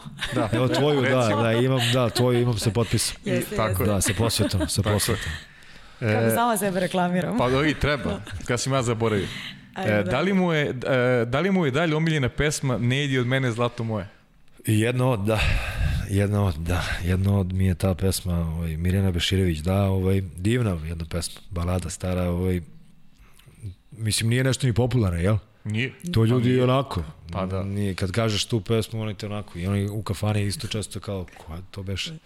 Ovo je meni divna pesma jedna. A da? Divna. Da, jeste. Pošto nisi voleo da plivaš dok si igrao, kad si poslednji put sam plivao? Prekiče. Da. Preki, preki. Da, stvarno. Ovaj nisam volio pa niko od vaterpolista to je. da. Kao što fudbaleri i košarkaši i rukometari ne vole da imaju da, onaj trening, ovaj trčanje, tako i mi ne volimo da imamo plivački trening, ali Da. bez toga se ne može. Kaže, u jednom intervju nakon olimpijskih igara u Riju rekao si da će možda kroz nekoliko godina tek da shvatimo koliki je to uspeh. Malo smo pričali o tome, kaže, kako gledaš to sa, sa ove distancima, da smo manje Pa više da, to i prošli. mislim da. jeste, da je ogroman uspeh. Da. Ogroman uspeh i Mislim da će uvijek da se gleda isto. Pa da, pa da, pa da. Dugo mi ovaj, nismo osvojili to zlato, na, ono, da se vratim na to, daj samo na sekund, kaže od, od Seula 88. Seul 88. bila je Jugoslavija. Tako je. Bila je Jugoslavija od 20 Velika država. i 7 koliko miliona stanovnika, sa nekom bazom igrača koja je bila ne, nenormalno velika, sa ogromnim stručnjacima, sa ogromnim vaterpolo centrima, ovo je sad već bilo nešto skroz drugačije. Mnogo skromnije, mnogo skromnije, a utoliko i onako i emotivnije i, mm -hmm. i, i draže svima. Da li je Andrija Prelinović Talija za osvajanje Lige šampiona? Za mene da. Za mene definitivno da. To je čovjek nosio taj kofer i, i došao u Solnok, dono kofer, dono trofej i posle ponovo dalje sa sobom. sad ćemo da vidimo, sad ćemo da vidimo sa Marseom šta će pa, biti. da, da, znaš. Imaju, imaju ekipu nije stvarno, nemoguće. da, nije nemoguće. Nije nemoguće. Da. Jesi kad smo kod kofera, imaš ti jedno pitanje. Pa ne znam da li kod kofera, jedino što nije volao na treninzima je trčanje. To mi je sledeće. Kako uspeo prema vanjenim rečima da ode do Taša, do E, hotela to. vrat, i vrati se za 10 minuta. Vanjo Dovičić Ja, je pričao da. to, da. Da, to je sjajno. To je sjajno. Mi smo... To je bilo na... Da, da Taš... Vanja je kriv. Vanja je Vanja je kriv. Znači, mi smo, to je svetska liga ili ne znam koji turnir, i ovde na Tašu se igra. Uh -huh. Vanja je mlađi od mene. Mm, Dve nedelje. Znači, on je dve nedelje mlađi od mene i on je, njemu su, je zapalo da nosi kapice. On nosi kapice, mi igramo utakmicu neko polufinale svetske lige, recimo na Tašu, 2005. 6. godina. I ja nisam u sastavu. Dolazimo na bazen, autobus, sve stigli. Dolazi Vanja crven, znači za Japuren, kaže, brate, ja zaboravio kapice. Ja kažem, žao mi je. Stvarno, ajde, molim te, vidi tu s pomoćem trenerima organizuj nešto. Mi smo stigli na bazen, ima vremena. Sad ima mi da stignemo, to je recimo sat i nešto pre utakmice. Ovo, bili smo smašteni u hotelu Jugoslavije. Ovaj, E sad, šta je problem? Ja sam isto tu s ekipom, ja moram da uđem u slučionicu, ja moram tu da budem negde, ja ne smem da nestanem. Nena je selektor i ja ovaj, ne smem nikom da kažem, neću njega, ni on, on kaže, ajde, molim te, vidi tamo. I ja odem i pitam pomoćnog trenera Novoselca, tada pitam, nebo šta da radimo čoveče, nemamo kapice. Ništa, ajde brzo, mi smo imali policijsku pratnju. I ovaj, ne, neba pozove te ovaj, policajci koji su bili s nama, ajde momci molim vas odvezete čoveka, a to je recimo sad ne znam, ne, jun mesec, 4 ili 5 popodne, špic u Beogradu, znači Brankov most, Terazijski tunel, puno sve, rotacija, znači ja sam ušao s njima u, u BMW-a, e, e, milicijskog, sa rotacijom od Tašmajdana do hotela Jugoslavije. Recepcija, uzmem vanjen ključ, u sobu, kapice da skupim koje su kadi koje se suše, da sku, ili na terasi, da skupim sve kapice, da izbrojim, da ne zaboravim neku i da se vratim, ja mislim 7 minuta. Znači, svetski rekord. Da, da, pohvalim. Sve vreme rotacija, sve vreme. Tako da, eto. Pohvalio te. Pohvalio te. Tako da sam mu izvukao sam, ovaj, nije, ja mislim da Nena nije ne saznao nikad. Da. Ja mislim da nije imao ni pojma da, da, su, da nisu bile kapice, da, nisu, da ja nisam bio tu na rasplivavanju, šta ja znam. Tako da, eto, spasio sam ga. Strašna priča. Šta imamo još? Kako si uspio da naučiš mađarski? Teško. Teško, ali, ali i to je isto anegdota. Ja sam učio mađarski preko italijanskog. Pošto sam došao iz Italije, a u Italiji sam išao na kurs, šest ili sedam meseci sam išao na kurs italijanskog, tamo to bilo sveže, došao sam u Mađarsku, nisam mogao da nađem srpsko-mađarski učitelja, učiteljicu ili školu ili šta već, i pojavila se, pojavila se ovaj, ta gospođa Erika koja je radila u, Rim, u Rimu u ambasadi Mađarska 25 godina. 25 godina žena živjela u Rimu i pričala perfektno italijanski i bila je, nije bila profesor mađarskog, ali je bila nešto da radila u prosveti. I ovi već imali iskustva s tim, tako da sam išao kod nje, godinu dana sam išao na časove, kod Erike, tri puta sam odustajao za godinu dana, ona me tri puta vraćala i posle godinu dana kad sam uspeo da povežem neke konce, počeo polako da, da pričam i evo da na, sad ga pričam baš dobro. E, taman da ti nama kažeš kako se na mađarskom kaže ovo je najbolja emisija na svetu. Oz a legiob műsor a világon. Evo, hoću Kako da se, kaže, kako se kaže hvala? Köszönöm. Kusanjom. Köszönöm. Kusanjom. Kusanjom. Žile kusanjom. E, e, da li imaš vremena za odlazak u pozorište ili bioskop? Pa imam, da, ali u Beogradu. U Pa da. da. Solnoku sam isto odlazio. Mislim, ne znam što Ceca ne priča dobro mađarski, onda, mm ovaj, da, i tamo sam bio par puta. U, više u Deči pozorište. više u u Deči, sad, u Deči sad sad. više. A čak i ovde, više u Duško Radović i u Buhu idem nego u, nego u, narodno, ili, u, ili, u, ili u, u atelje, ali, ali volim. Volim Mhm. i film i predstavu i volim umetnost, da, uopšte muziku obožavam. Tako. E, koncerte, i- koncerte obožavam. Da. Voliš i futbol, obzirom da si veliki fan premier lige, koji ti je omiljeni klub? Manchester United. Dobro? Hoćemo sad nova naša, a? A, hoćemo, imamo samo još jedno, a, životni i sportski moto. Uf, uf. To zanima sve. Životni sportski moto, onako, ajde, iskren odnos prema prema stvarima kojima se baviš i prema porodici i prema svojim bližnjima i posvećenost u svakom smislu. Znači, ne mislim posvećenost, e, ono, posve, ako izaberem da radim nešto, to ću da radim onako, maksimalno i da se u tome posvetim i da probam da to bude baš kako treba, inače neću da radim. Tako da, ovaj, otprilike, eto to, nisam sad nešto pretredno dobro sročio, ali, ali ovaj, otprilike to mi je životni moto, ono, uh, posvećenost porodici, ljubav prema porodici i ovaj prema poslu kojim se bavim. I dao si mi baš odličan šlagvort, svi već je poznato da ja za kraj ostavljam Da. porodicu jer je verovatno najbolji recept za uspeh. Pa evo da spomenemo Mirnu ruku, Luku, pronašao si u društvu supruge Svetlane, spominjali smo i tokom emisije. Jesmo. Da. Da. A Da, pa mi smo, ono, mi smo nije srednjoškolska ljubav jer smo, jer smo počeli da se zabavljamo posle, kad smo završili srednju školu, ali, ali od tad se zabavljamo, znači sad već to, nažalost, nažalost već ima i 20 godina od toga, od kraja srednje, ovaj, i da, ovaj, moj veliki osnovac i podrška i prijatelj i Mirna Luka, da. Mirna Luka i, i, ovaj, i kritičar i, i ovaj, hvalo i, i onaj koji hvali da. i onaj koji kudi kad treba i onaj koji ovaj, povuče ručnu i onaj koji tako ovaj, to dobro sve funkcioniše. Imamo i ovaj, dvoje, dvoje deci, imam dva sina Bogdana i Stefana. Ovaj, tako da to je stvarno Mirna Luka.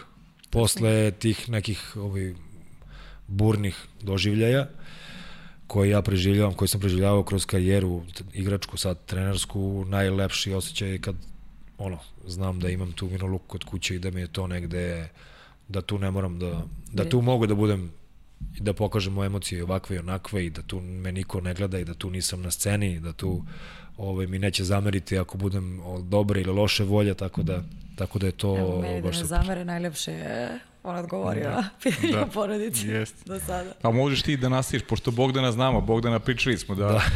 Da je on onako pokazuje sklonost, ali ajde, o tom potom Da, da, vidjet ćemo gde će da se, gde se usmiri, a Stefan još da. mali, da bismo pričali o sportu. E, a kada je u pitanju, kad pričamo o sklonostima, pokazivao si uvek sklonost prema svom rodnom gradu, a i on prema tebi, za Žileta Gocića svi imaju samo reči hvale.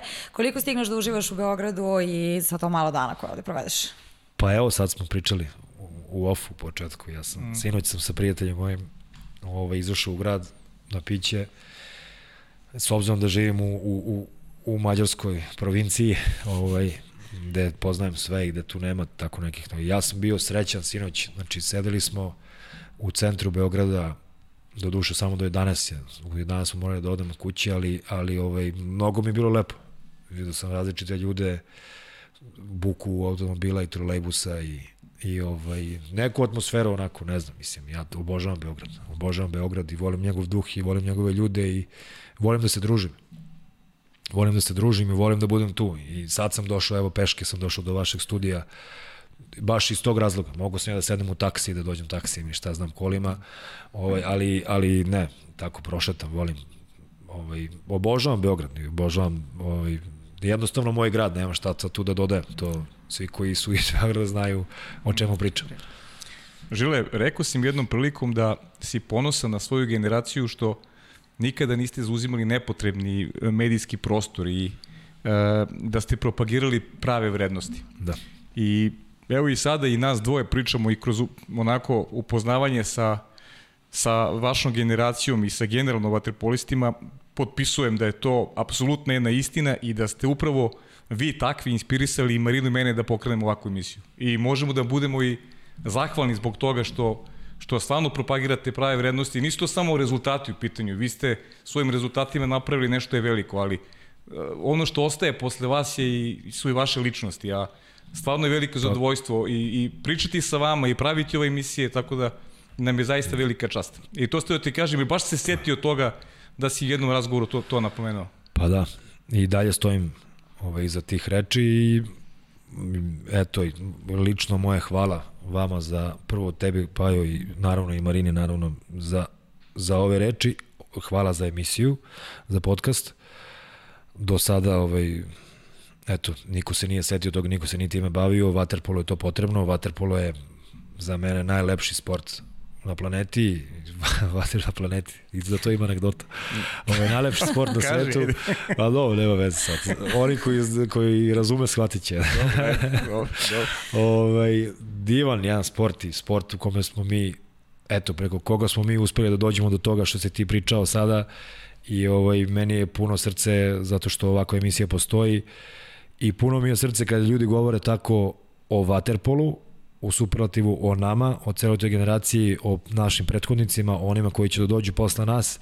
I mislim da je to stvarno nešto što je što jeste ovaj negde suština svega i našeg bivstvovanja, našeg bavljenja ovim sportom i i ovaj i kažem stvarno sam preponosan na to. Jer stvarno nismo zauzimali pogotovo ta ova generacija stvarno nismo zauzimali neki nepotreban i onaj žuti deo. Ovaj naravno umereno da, ali nismo zauzimali neke preterano te žute strane ovaj, uglavnom su to, to su bile porodične neke priče, kak, kada nije bilo vezano za sport, odnosno odnosno sport kada je za to bilo potreba i kada su bili rezultati u pitanju. E, kvalitetni ljudi su stvarno, znači moji, moji, moji nekadašnji saigrači, ovaj, dobri moji drugari, dobri ljudi, šta da kažem, mislim. I to jeste negde ono, zbog toga i ja sam ponosan. Jer što bi rekao ovaj, Dejan Stejović, uh, on, on je nas negde nazvao good fellows. Mm ovaj, I to je, to je super. I to je super. I ja sam stvarno zbog toga isto srećan. I ja nemam više šta da dodam Pa nema šta do, to, to je da. to. Mogli smo, možemo mi da pričamo još, ali pričamo drugi da. put kad se budeš vratio ovaj, kad budeš bio na putovanju i Solnoka, želimo ti da tamo bude sve kako treba, celoj ekipi ovaj, igrače da ove godine ako možete garnirati sa, i sa šampionskom titulom, bilo bi lepo da bilo bi lepo, tu da. vrstu pomaka. Da, Pa ćemo da se družimo žile nekom drugom prilikom. Hvala ti što si izdvojio vreme. Hvala vam na pozivu i još jednom sve pohvale za emisiju i bilo mi je stvarno super. Hvala. Eto nam je drago da se zahvalim i ja i da ne najavljamo nećemo, narednog gosta, nećemo. da ih držimo malo u neizvesnosti. Tako je. Onda ništa pratite naš Instagram, naše Instagram profile i uživajte i čekajte sledeći intervju. Hvala na pažnji i prijetno.